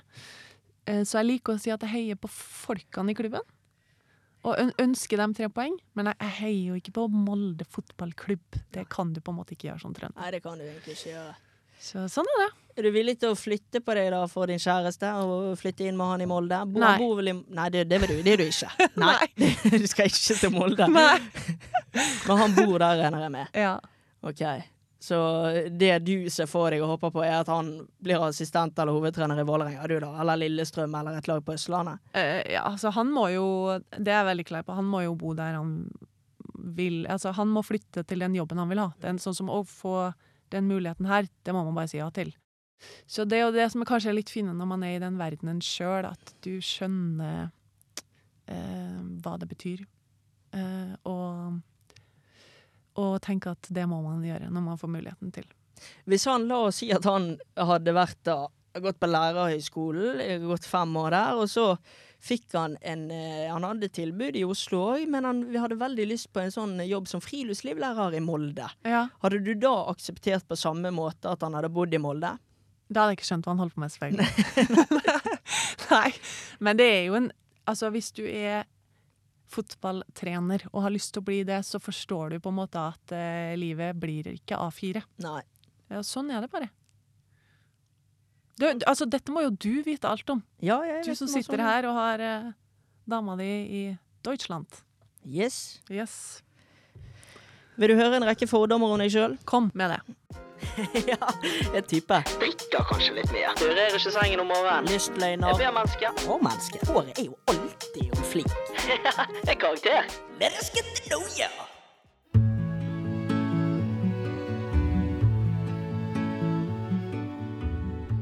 Gunhild har OCD. Ikke diagnostisert, men ifølge smulene på kjøkkendisken er det bare å stille den diggen, for de får faen ikke fred et sekund. I matveien så liker hun å tro at hun kan være fancy. Hun tester noen oppskrifter, tar noen tips fra venner her og der. Dessverre for kokebøker og venninnes del syntes hun det er forferdelig kjedelig å stå over grytene for lenge. Gunhild elsker å trene, likevel har hun et lite elsk-hat-forhold til det, da hun alltid må krangle litt med sin indre PT før hun langer ut på sin rolige langkjøring. Underveis på løpeturen er hun alltid like glad for at hun kom seg ut, og hvis hun føler seg fresh og liker måten hun, hun trener eh, tre, Faen, og liker eh, og hvis, og hvis hun føler seg fresh og liker Hva skal vi si? L-Å-T-E Og hvis hun føler seg fresh og liker låten hun trener til, kjører hun gjerne et lite dansesteg mens hun løper. Oi, Samtidig passer hun på at ingen ser henne når hun flyter bortover helt greasy i stilen. oi, oi. Gunhild er alltid presis, det er derimot få vet at hun faktisk ikke kan lese tiden på en vanlig klokke. Hun har alltid hatt en digital klokke i nærheten, og derfor bør man ikke spørre hva bevisene peker. Gunhild elsker alt som har med bilder å gjøre. Hadde hun ikke vært reporter, så hadde hun vært fotograf. Hun digger å kunne flekke av gårde noen bilder til egen Insta, ja da liker det. Og det er også grunnen til at hun konsekvent etter endt arbeidsdag spør fotografen om det er tatt noen bilder hun kan påføre et summerfilter og fyre ut til sine followers. Gunhild er en blidfis, og dette er faktisk ikke påtatt. Hun smiler på TV, men hun smiler også når hun sitter hjemme i egen stue mens hun drikker en chai latte og ser andre på TV. Til slutt må det trekkes frem at Gunhild virkelig har jobbet hardt for å nå dit hun er. Det krever litt spisse albuer, likevel er hun en av de største unnene du finner. Hun blir ikke misunnet, sur eller sjalu dersom hun taper en duell om en høyt ønsket jobb. Hun er sjenerøs, og ønsker at andre skal lykkes. Her var det mye bra. Ja, det var mye òg. Ja, her var det veldig mye. ja. Oi, jeg vet ikke hvor jeg skal begynne engang. Nei, si det. Si det var veldig mye. Uh, Så vi tar OCD og matlaging først som sist. ja. ehm, jeg liker ikke så godt smuler på benken, nei. Jeg gjør ikke det. Jeg liker kanskje å ha det litt ordnung og reda. Ja, kanskje litt. Men er du på sånn OCD, nesten sånn uh, Sandvikens syk Nei, trenger nå faen ikke å nevne Sandvikens. Men er du, er du, har du OCD? Nei, jeg, faktisk, jeg tror ikke jeg har det. Nei. Nei. Uh, jeg liker å ha det ryddig hjemme, men ikke sånn Jeg er ikke mm, ekstrem på det, altså. Nei. Nei, jeg tror ikke det. Jeg har ikke det, altså. Jeg tror, nei, jeg tror vi setter strek over den. Ja. Mm. Matlagingen, òg. Syns det er gøy, men ikke så gøy at jeg gjør det hele tida. Det er ikke sånn at jeg tenker i helga skal jeg prøve meg på den oppskriften og handle inn til det og sånn. Jeg syns det høres ut som jeg jeg er litt inne på det. Ja, ja, kanskje du er det. Kanskje du er det. Jeg starta en sånn der matklubb med min lillesøster og to venninner. Den varte kanskje sånn fem ganger, så var det ferdig. Så ja, nei. Kanskje, kanskje du er inne på noe der òg. Ja, jeg lurer på det. Ja, bra, ganske bra. Dette med treningen og at uh, du krangler litt før du uh, altså, havner på denne løpeturen. Det er feil. Det er feil, for det, der har ikke du noe på- Nei. Du bare gjør det med en gang. Og, eh, Nei, men jeg har ikke så stor sånn dørstokkmil. nei, Nei. Så den uh, åh, det hørtes digg ut. Ja, ja. Ja. Nei, det har jeg ikke, faktisk. Kan du kjøre et litt sånn dansesteg, en liten moonwalk, hvis du føler deg bra på trening? Nei, men jeg holdt på å le når du sa det der, fordi at av og til Jogginga syns jeg det er det som har størst sånn der mental verdi, da. Du vasker hodet, liksom, i en joggetur. Og det, det mener Det høres jo ut som Folk som ikke jogger, syns jo det er sånn Åh, det er så teit å si. Men det er sant. Eh, bare prøv det, så vil dere se det. Eh, og det som skjer da, mens den hodevasken pågår, at da blir jeg jo mer og mer glad jo lenger jeg har løpt. Hvis vi, eh, og hvis jeg hører en veldig god sang, så har det skjedd at jeg glemmer at jeg på en måte synger med. Å ja. så så eh, en kompis av meg han sendte melding, han hadde sett meg på joggetur. Og så sa han at det så ut som jeg hadde snakka Han satt i bil, da, så han hørte jo ikke, men han så ut som, hadde, så ut som jeg snakka i en veldig, veldig god telefonsamtale. Men jeg hadde jo bare løpt og sunget. Dance monkey, dance monkey, dance. Det var, ja, det var. Noe sånt. Så det kan skje. Men ehm, ja. Nei, eh, jeg kommer meg ut. Det gjør jeg. Kan du klokken? Eh, ja. Men jeg er ikke alltid tidsnok. Nei, du er ikke det, nei. Nei. Jeg kan, kan Jeg kan være litt for sein, men Litt sånn tidsoptimist? bitte litt. Ja. Men ikke mye. Jeg har to søsken, og de er betraktelig verre enn meg. Det jeg er mest spent på her, det er om du er litt sånn eh, ja, Jeg skal ikke gå helt sånn fullblods narsissist, men syns du det kan være hyggelig å flotte deg sjøl litt på Instagram? Å, flotte meg sjøl! Jeg syns jo at uh, Instagram er veldig gøy. Det syns jeg. Det var en veldig lur måte å si det på. Ja, men jeg syns det er gøy sånn for min egen del, det er jo greit, men jeg syns også det er veldig gøy å, å se andre spill, da. Altså, folk sånn åh, Instagram er bare det positive og Ja, Mm. ja, det er det jo litt. Jeg skjønner det, alt det der. Men jeg digger å se folk er på ferie og kose seg. Jeg syns det er helt flott. Så ja, eh, hvis det å legge ut et bilde av seg sjøl fra indre bane i England er å flotte seg litt på Instagram, så ja takk. Jeg syntes at det der at, du, eh, at å ja, Instagram er så polert, og det er kun de positive sidene. Så de som har liksom det der eh, usminkede sånn Å, jeg vil se når du ligger og griner. Kanskje de starter et sånt eget forum, Darkagram eller noe sånt, hvor de kan sitte og eh, se griningen til hverandre. Jeg er ikke interessert i å se dine grinevideoer på Nei, Instagram. nei. Det er jeg bare si. Ja, jeg tror ikke det, de kommer der heller. Ehm, da kan jeg heller sende dem på DM, hvis du vil Ja, ha. gjør det. Herlig. Ja, ja. Og så skal jeg få kjøpt et sånt lerret, så jeg kan få få blåst opp i Ja. sånt stort format. Ja. Men vi konkluderer med at du liker å kunne legge ut et bilde. Instagram er flott. Instagram er flott. Ja. Det syns jeg er gøy. Har du konkurrert noen gang om en jobb du hadde veldig lyst på med en annen god konkurrent?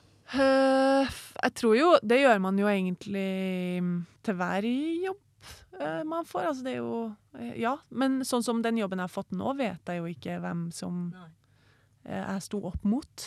Så det, det er kanskje litt vanskelig å svare ja, for jeg, jeg vet på en måte ikke hvem jeg har konkurrert med, da. Det gjør jeg jo ikke. Men uh, Men har du aldri vært i en situasjon hvor du har tapt uh, en uh, jobb du har veldig lyst på, mot en konkurrent du vet hvem er? Jeg, faktisk, da jeg skulle begynne i Seymour, der var jo, hadde jo Eliteserien før eh, TV 2. Eh, nei, før Discovery og TV 2, ja. Mm.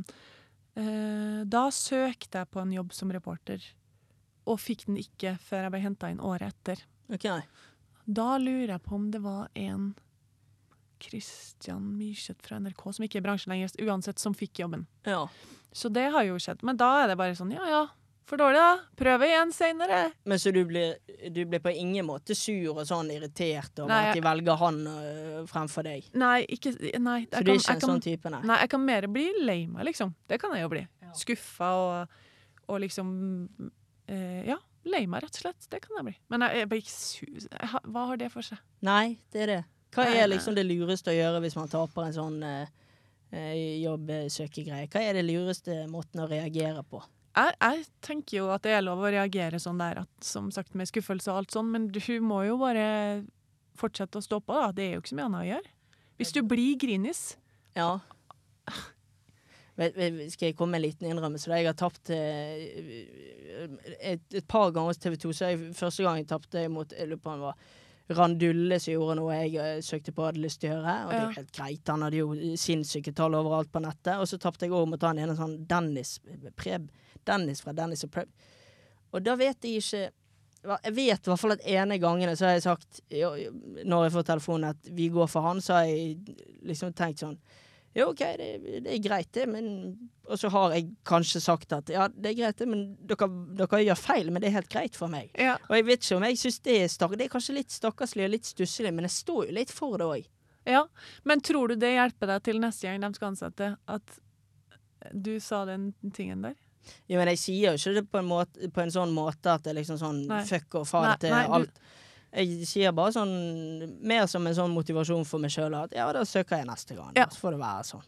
Ja, men, eh, men ble du irritert på den personen som Eller Å ja, nei. nei. Jeg har jo de på en dartskive hjemme hvor Ja. jeg står og kaster litt inni meg.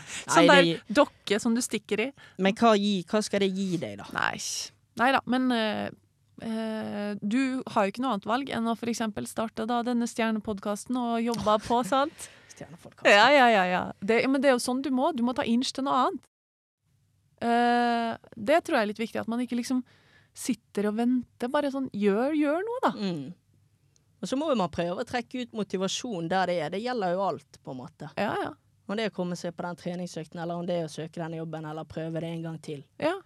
Men, men, men sånn helt seriøst, sånn, den podkasten her er det jo en veldig liten redaksjon som styrer. Det er du, Mm. og så er det du.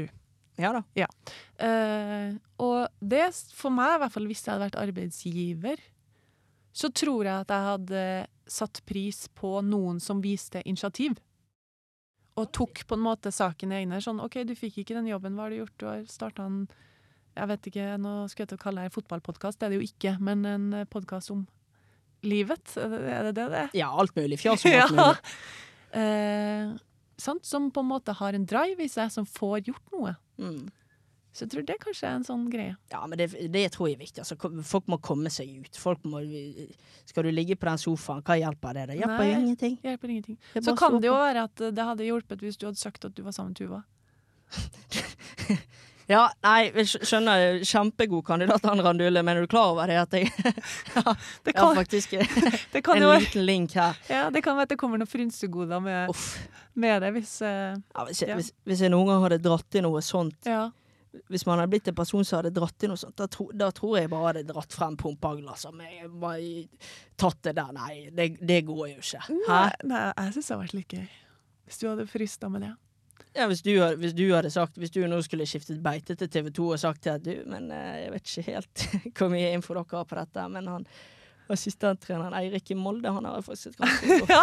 Det hadde jo bare gjort meg diskvalifisert. Hadde jo ikke fått jobba med norsk Det fotball. Så ja. Nei, det går jo ikke an. Nei. Sier ikke det at man ikke skal nevne om sin personlige mm, altså, historie, men det er jo gøyest å få til ting selv, litt sjøl, er ikke det, da? Det er det. Det er det. Jeg tenker jeg det. Ja. Så du må bare kjøre på. Ja. Hva, du, hva vil du bli, da? Nei, men Gunhild Fran, da. Nå, jeg har hørt at du sier at du er flink til å få folk til å prate, men eh, eh, det eh, Nei, jeg har to okay, jeg har to drømmer. Ja, kom med det. Nei, jeg har egentlig bare én. Okay. Og jeg, det er ikke så viktig for meg hva jeg, jeg jobber med, så lenge det er kreativt. Men jeg har jævlig lyst til å dra på tur med Lars Monsen. Å ja, du vil det? Oh. Har du spurt han? Nei, men altså, hvis, når han lager den der eh, serien hvor han har med seg folk på tur, Ja. ofte, da, da er det bare lagt ned. Det Ja, hadde men- vært som å runde, runde Ratchet og Clank på PlayStation 2 hvis jeg hadde fått vært med han på tur. Men kan du ikke spørre han om dere kan dra på tur, og så skal du lage det som en miniproduksjon? Eh, altså At ikke det liksom er en del av hans program, men så lager du det til Jo, her! Du må, nå må du Ja, men hvor mange sånne forespørsler tror ikke Lars Monsen har takket nei til opp igjennom? Nei, jeg, jeg syns du skal ringe han. Ja, det var veldig dårlig forslag, Gunni, men jeg tror vi heller skal se om det andre du nå skal foreslå, er bedre. For har du forberedt noe? Ja. Ja. Eller Jeg vet ikke om det er forberedt noe, men jeg tenkte på det. Fordi du eh, heier jo på Manchester United, gjør du ikke det? Jo, har du billetter? Nei, Ok. sku, I, I wish. Uh, men og så må jeg bare si, det her er jo ikke en fotballpodkast, så beklager igjen at det blir litt fotball her Nei, nå. det går fint, det. Men sånne her ting uh, syns jeg i hvert fall er veldig gøy. Ehm, og kanskje gjør du òg det. Og det er et slags lite innblikk i, som jeg sa, en verden Premier League er ganske polert. Mm. Så det som gjør meg glad, er når du får et lite glimt av aktørene eh, sin personlighet. Ja. Ja, ja. Eh, Så derfor så har jeg med meg en liten historie fra Turfmore på lørdag kveld, hvor eh, jeg da etter kampen skulle intervjue Erik Den Haag. Ja. Som selvfølgelig var veldig letta etter tre poeng. Dårlig kamp, men tre poeng. Eh, og så har jeg møtt han et par ganger nå, så når han så meg, sa han ah, Norway. For det, det husker han da. ja, ja. Uh, vi gjør intervjuet, og så er det ekstremt det er trangt, det er lite. De er sjukt opptatt av at du skal ikke holde på i lang tid. Fort inn, fort ut. Mm. Men så stopper han, og så sier han 'Vet du hvorfor jeg elsker Norge?' Uh, Skal jeg få gjette nå, eller skal ja, du fortelle? bare gjett, du.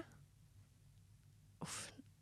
Det er jo det er jo veldig enkelt å tenke Freia melkesjokolade, for det blir alltid dratt opp. Ja, og faktisk Fjøra har med seg sjokolade rundt omkring i England og eh, smisker med folk og gir bort. Han er sånn, ja. Ja, ja. Han, du er sånn, Fjøra. Ja, Hæ?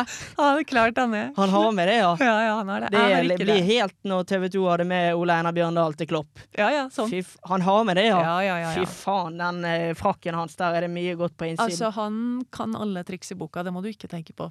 Nei, det er ikke Eh, men jo, det han Og så sier han nei. Og så um, sier han det er fordi Norway is the land of Halvard Thoresen. Altså, Halvard Thoresen var jo storspiller, det må ha vært 80-tallet, da, i Nederland. Ja. Eindhoven. Da viser det seg, og da går Erik Den Haag for meg fra å være en litt sånn der um, ja, treneren til Manchester United, som du har veldig sånn proff forhold til, til at han tar av hele den maska og blir en fanboy. Han blir en liten fanboy, så Ja, sier han. Halvard Thoresen er mitt store idol. Han har jeg autografen til hjemme. Han blir en vanlig mann igjen. Han da. gjør det! Han står sånn Han var så god. Han er helten min.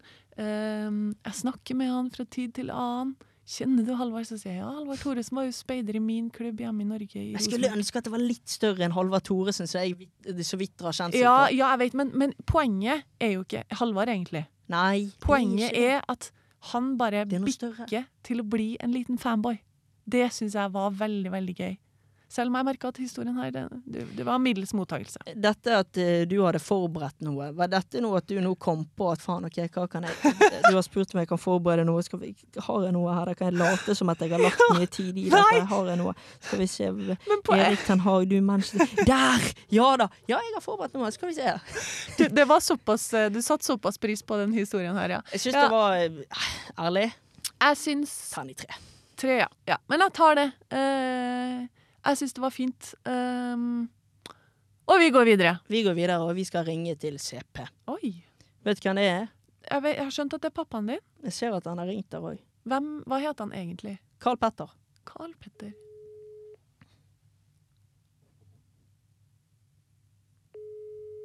Håper han tar telefonen, da. Ja, det gjør jeg jo.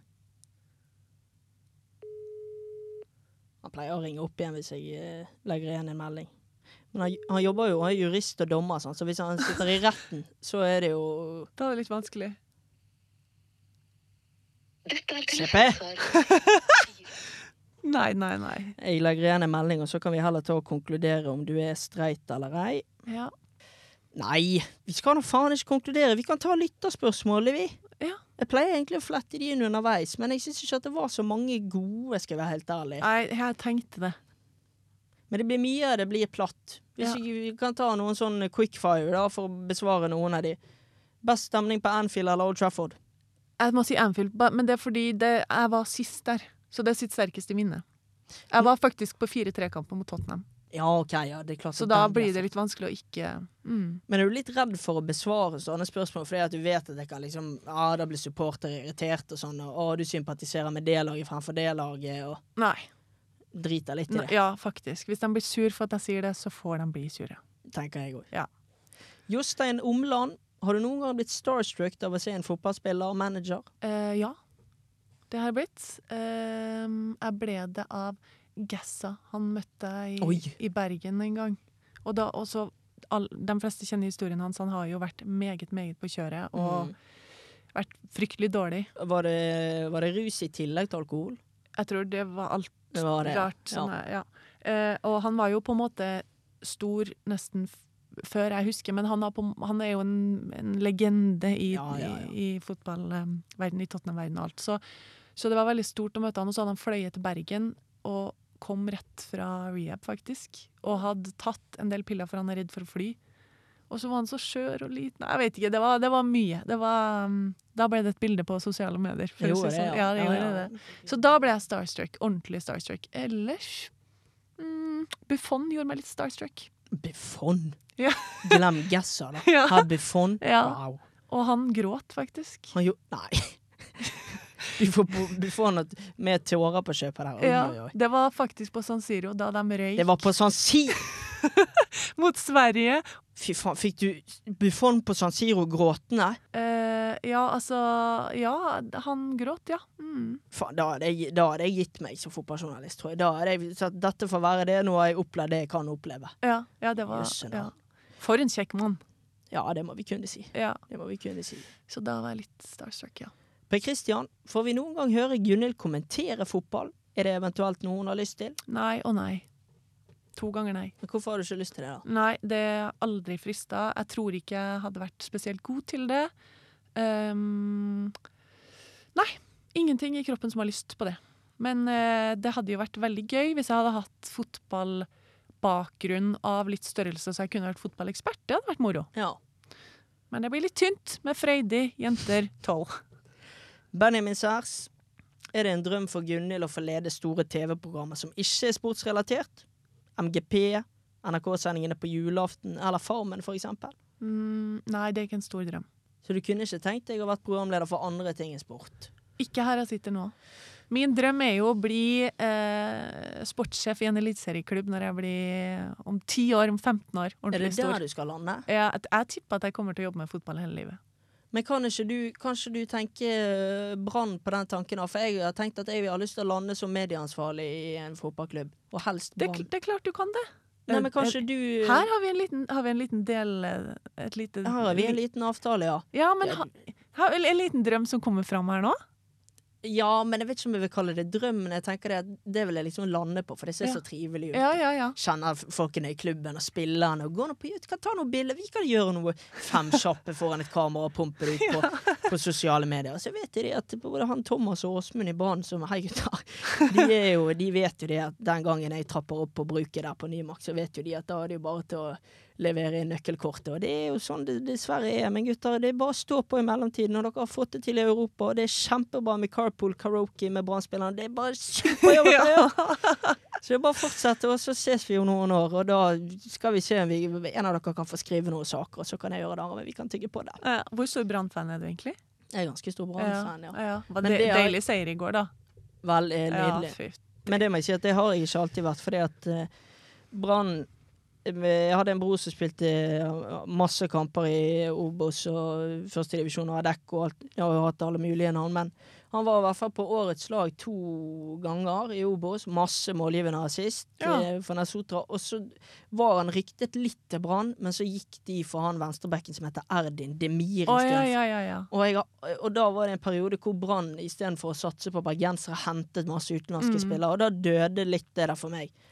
Og så var det det med at jeg ikke fikk se min bror i Branndrakt i tillegg heller, så det ble sånn faen, drit i det, da. ja. Så, men nå eh, syns jeg det er helt annerledes, og jeg har en vanvittig gnist. Og nå har jeg jo funnet roten i det en, en fotballklubb som Brann skal være, med lokale spillere og Europall og Boffi. Altså, og Horneland, altså. ja Eirik Horneland, her. Sant? Nå, er vi, nå er vi på sporet av det som er norsk fotball, og det som skal være kjærlighet og bra. Ja, og for en For en fin fyr han er. Nydelig. Ja, ja. Han er helt strålende. Fantastisk. Ja, han er det. Siste lytterspørsmål er det fra Ole. Hvem er mest giret på fredagspils i redaksjonen? Oi! eh, Jonas Berg Johnsen. Det ja, det er, Han er veldig gira på det. Og en liten dark horse! Mm. Pål Gordon Nilsen. Fortell! Altså, Pål Gordon, han han, eh, For dem som husker han fra NRK-sendinga nå, da, i hvert fall jeg, jeg husker jeg tenkte han der er en veldig streit fyr. Han Mm. tenkte jeg var streit. Ja, han, er, han er mye mer enn du tror. Han er det. Ja, Han er veldig gøy å feste sammen med. Jeg jobbet jo like etter du sluttet, jobbet jeg litt med sosiale medier i Discovery. Ja. Og, øh, jobbet litt med på Gordon, og han, var, han synes han var fin, jeg. Ja, han er, han er prima. Og så elsket jeg hvordan han fortalte ting og presenterte ting med, med kroppsspråk. ja, det, Fortell! Fortell!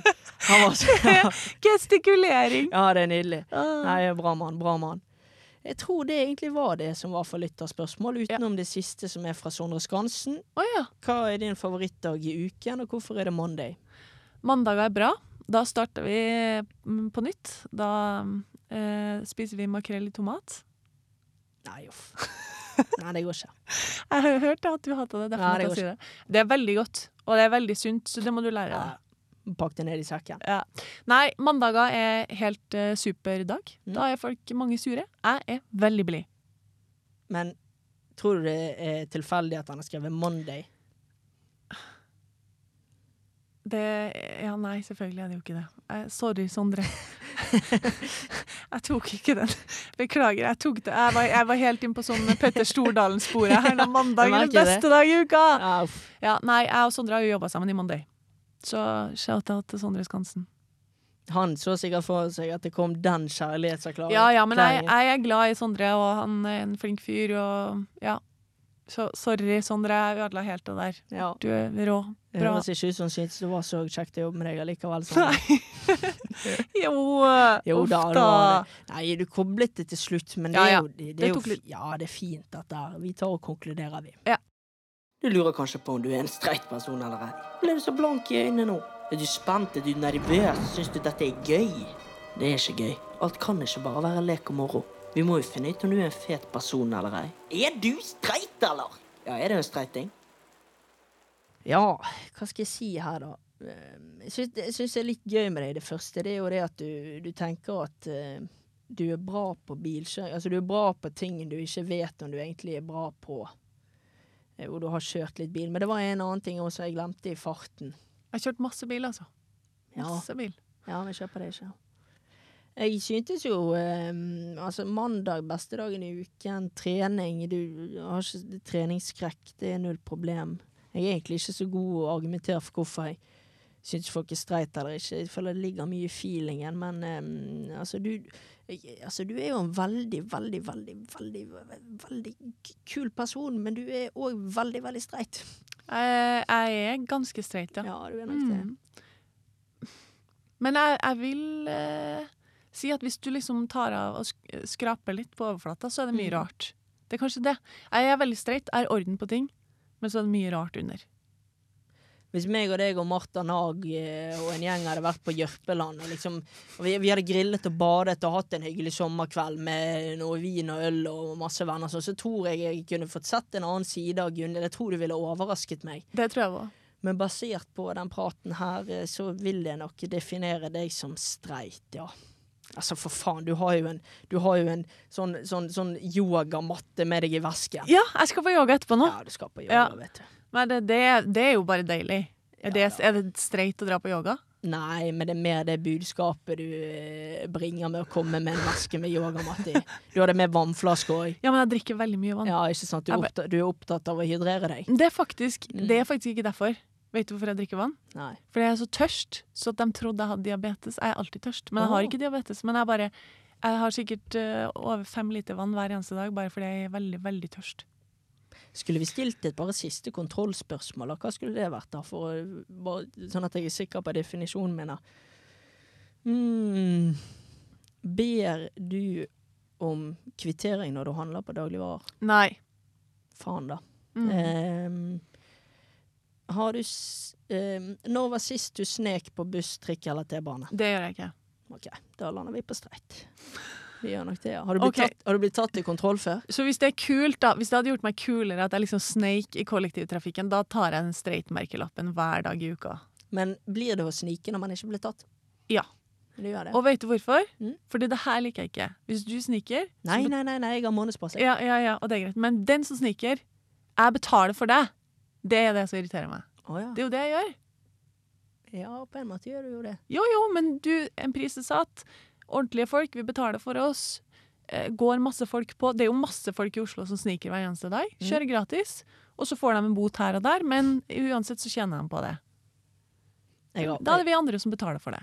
Nå har jeg brukt mye av tiden din, men hva er det før vi går på meg før du går, og så får jeg ringe CP når du ikke er til stede, dessverre. Men hva er det mest kriminelle du har gjort? Um, jeg har um, tusja på en pult på ungdomsskolen. Sorry, Gunhild eh, Tollnes, det blir streit. Det gjør nok det. Jeg tar den! Vi tar en Men før det går, og da skal vi gjennomføre det jeg likte sist, som jeg nå gjør igjen. En Mary fuck kill med Kjetil Rekdal, Joakim Jonsson Jøn, Er det Jønsson eller Jonsson? Jonsson. Jonsson og Jan Åge Fjørtoft. Det var veldig ekkelt. Jeg har hatt det så hyggelig frem til nå. Nå ble jeg kvalm. Ja, jeg skjønner det. Åh, For tenke rent hypotetisk, da. Mary fucking fy fara! Og det der var Det her var det verste podkastspørsmålet jeg har fått. Gunhild, jeg kunne vært langt drøyere og mer ubehagelig med deg. Jeg syns jeg har vært godt innafor. Har du det? Ja, så jeg, jeg, synes, jeg får ikke dårlig samvittighet for denne. Faktisk, akkurat det her fikk meg til å svette. Jeg var helt varm. um, hvem vil jeg drepe? Mary fuck Ja, kill. kanskje den er den enkleste å gå fra starten av. Ja. På et tidspunkt så vil man jo drepe alle tre. Nei, fuck er jo den verste. Å, Oh, fy fara. Men du kan jo bare gå for eh, ekskluderingsmetoden. At du velger eh, eh, marry og kill, og så må du liksom bare Ja. lande på en fuck. Ja. Uh, jeg, jeg hadde jo blitt uh, sinnssyk av å være gift med alle de der tre. Men kanskje hvis jeg hadde gifta meg med Jan Åge, så han er så mye på tur at jeg hadde ikke sett han så mye. Han er på reise hele tida. Så, så da hadde det vært greit sånn sett. Åh, drepe hmm. Skulle tatt livet av Stakkars, hvem av dem har gjort mest og føler seg mest ferdig, da? Ja, det er det fint. Uh, Hvem har opplevd meg? Jeg føler jo at uh, Jokke har jo litt til gode å få til uh, med Vålerenga, ja. Ja. Ja, eller er som, som sportssjef, da, så har jo han litt å gå på. Og Rekdal er jo nå uten Ja, da røyk Kjetil. Nei da, fytti katta, for et syn! Ja. Nei, men jeg skal, jeg skal på, måte, på ingen måte lage lage en sånn grafikk av, av deg og, og Jokke og legge det ut på nett. Det er- Nei. Nei, det, nei, Nei. jeg har ikke tenkt til det. Nei. Uh, ekkelt. Ja, Ja. Nei, vi sier det, vi sier det sånn. Jeg tror vi egentlig er der, jeg. Supert. Det er noe vi har glemt. Nei, veldig hyggelig. Ja, hva syns du det? Mm. Veldig bra. Jeg har kost meg. Jeg synes tiden har Det er jo eh, eh, Av og til ser jeg liksom på hvor lang tid det har gått, men det har jeg på ingen måte gjort i dag. Ja, bra. Veldig hyggelig. Tusen takk for meg. Ja, takk for at du gadd. Bare hyggelig. Lite streik. Ja, som du hørte, så var ikke CP tilgjengelig når meg og Gunhild ringte han fra studio. Så derfor så blir det dessverre ingen Det blir dessverre ingen vurdert Det er så utrolig skuffet. Jeg ser deg ikke, men det er så utrolig skuffet. Selvfølgelig har jeg en vurdering av CP. Jeg var på ferie i München eh, og ringte han derfra. og Gjorde en sånn tilknytning av anrop med både han og Gunhild. Så vurderingen av Gunhild fra CP, den skal du få høre nå. Vi skal ringe min far, den berømte, beryktede CP. CP! CP, hører du meg? Ja, jeg hører deg godt. Du kan ikke gå på den. Du klarer å lure meg hver eneste gang. Nå slutter du med det der. Ja, jeg skal det. Det har en Det er fader. Ja, Hallo, ja. hallo ja. Ja, hvordan er været hjemme? Det regner altså bare i juli. Jeg gjør det, ja. Ja. Her er Det er det, helt, det er helt elendig. Her er det 22 grader og sol. Veldig fint. Er det det? Det er jo typisk. Men sånn er det å bo på Vestlandet. Det vet vi alt om. det vet vi alt om, så, men det er veldig skiftende, da. Ja, nei, men Det er kjekt å det, høre. Men du er jo i München, så vidt jeg vet, sant? Ja da. Ja, så der er det jo full sommer. Det ligger jo så langt sør at der kan du oppleve sommer til langt ut i oktober. Det er det du kan. Du kan det. Jeg tenkte det. egentlig at jeg skulle lure deg nå, for nå er Gunhild i samtale òg, men jeg, jeg har ikke noe på stående fot, så jeg tror vi bare går rett på. Ja, nei, det er nytteløst. Jeg visste jo at du kom til å ringe. Det er nettopp det. Visste du kom til å ringe. Hallo, Gunhild. Hei! Ja, deg ser jeg bare på TV. Ja, men så kjekt, da. Eller, Ja. eller ikke, eventuelt. Nei, det er bare kjekt. Du er vel en av de mest erfarne flinke reporterne vi har, ikke du det da? Jeg tror det at mange synes det i hvert fall. Ja, det var jo hyggelig, da. Det var veldig hyggelig. Du er vel en brannmann, du sikkert? Nei. Ikke? Nei. Er du ikke glad i brann? Jo, men jeg er ikke noe, jeg er ikke noe som patriot. Nei. Jøsses. Nei, nei, ikke det egentlig. Så, men jeg liker god fotball uansett hvilket lag som spiller, så. Jeg får litt sånn inntrykk her nå av en atypisk bergenser. Du skryter ikke på deg finvær i Bergen, sånn som alle andre bergensere gjør, som har hatt sol hele veien. Og du er ikke fanatiker når du kommer til eh, laget. Nei, jeg er egentlig ikke det, altså. Eh, men det, nei, jeg er egentlig ikke det. Jeg har aldri vært det heller, egentlig. Men eh, det har jo vært gode, jo vært gode eh, opplevelser på Brann stadion. Men de, har- de har vært litt i fåtall. eh, De, de har vært veldig spredt, for å si det sånn. Ja, men nå har du ikke mye å klage på, da. Nå Nei da, jeg syns det fungerer bra. Nei, det er veldig kjekt det der eh, alt som skjer nå. For det nå har Brann en god del lokale spillere, og det har nå vært en etterlysning i mange år, egentlig. Ja, ja. Gøy, det. Kan jeg bryte inn, kan jeg bryte inn med et spørsmål? Jeg beklager for å avbryte praten her. Ja, nei, bare fyr av, du. Eh, det er jo, Gunhild jobber jo med Premier League og sånn, og da er det litt interessant å vite om du betaler for dette medlemskapet, CP. Bet, be betaler du de, betaler du de, det disse, jeg vet ikke hva det er. Det kan jo sikkert Gunhild ordne i dag. Og ordne at du begynner å betale? Nei, ordne et eller annet eh, fordelaktig abonnement. Nei, du vet Gunhild, etter at disse tre guttene mine eh, flyttet ut fra, fra hjemmefra, så ble det litt lite sånn seing av eh, den type fotball. Jeg, det, jeg har hatt det der før, men jeg syns det er så fryktelig dyrt. Ja, ja. Men eh, nå har jeg hørt at du har en veldig god jobb, så jeg tenker at du har råd til det der. Det, har jeg, men Det har jeg, men det, har, det handler om prioritering. sant? Og så, og så ser jeg ikke så veldig mye på fjernsyn. Men eh, det, nei, men du, du, du berører et, eh, et eh, Jeg skal tenke på det, om ikke Ja, det det skal være. det. Ja. det. Og jeg tenker, Du hører hvor hyggelig jeg og du har det nå. Det her er egentlig Ja. det, det mest hyggelige i hele denne podkasten. Så egentlig så bør du jo bare sporenstreks kjøpe deg det abonnementet, og så kan vi liksom henge sammen i helgene. Det, blir jo, det er jo det beste her. Ja, Hadde jeg fått lov å være med på et eller annet sånt uh, via Viaplay, så hadde det vært fantastisk. Ja. Du skulle fått sterke, klare meninger i studio. Om hvilket lag da? Nei, om alle Jeg regner med det at eh, når dere har så mange såkalte ekspertkommentatorer, så hadde ikke jeg så, så hadde ikke jeg gjort skam på noen om jeg hadde kommet der en gang. Nei, nei, jeg noterer deg opp på lista. Vi har noen som mener at de ville gjort det bedre enn ekspertene våre. Den lista begynner å bli ganske lang, men jeg skal putte deg litt oppover på den. Ja, jeg, jeg, jeg skjønner det. Nei, jeg syns veldig mange er flinke. Men jeg skal skryte litt av deg og disse andre eh, damene som eh, er kommet inn på dette området her i løpet av de siste årene. Jeg syns dere er veldig flinke. Eh, og det skulle, det skulle bare mangle, egentlig. Det var på høy tid at det skjedde et regimeskifte, og at en fikk eh, flere eh, kvinner og jenter inn der. Det er veldig kjekt å se. Ja, det er bra, det. Det kommer flere òg. Ja, og det gjør det? Å ja da. ja. For, for, å, av, for å avbryte igjen, eh, eh, Ja. eh, CPR, Kulesalven. hvem, eh, hvem eh, Hvilken mann tenker du at umiddelbart kunne vært erstattet med en kvinnelig ekspert eller kommentator? Eh, jeg, synes vi må, det, det er en mann jeg kunne godt tenke meg å få tilbake igjen, og det er han sportssjefen i Vålerenga. Ja, Joakim Jansson. Jeg er faktisk enig. Ja, han kunne godt kommet tilbake igjen, for han synes det er veldig kjekk å høre på. Særlig hvis du klarte å kombinere han og Bernt Hulsker. Ja. Altså, det, det hadde vært eh, et, et, et stort, eh, stort Det hadde vært et fortrinn for kanalen. ja han de er fine sammen, og Joakim er veldig, veldig god som ekspert. Han var det. Ja, kjempe, kjempeflink. kjempeflink. Og så fikk du disse, underfundige kommentarene til eh, Bernt Hulsker òg, som jo er veldig, veldig, veldig kunnskapsrik. Ja, han eh, er noe eget på skjermen, han der òg. Veldig. veldig. Ja. Nei, hvem som skal erstattes, nei, det vet jeg ikke. Det, det Stort sett er det jo et bra nivå på det. Men eh, alle, det er jo som du er litt inne på, Gunhild, at disse som sitter og ser på, de vet jo alltid best, de òg. Ja. Og så tenker jeg at nå har jeg to veldig cocky mannlige kollegaer, Jonas Berg Johnsen og Ørjan Bjørnstad, så hvis du har lyst til å si en av dem, så hadde det vært veldig hyggelig for min del. Ja, men altså, det, nå må jeg bare si det at jeg er litt usikker på hvem de er. Ja, men det holder han. Det, holder. det er en god Ja. nok kommentar, det, for Gunhild. Enig.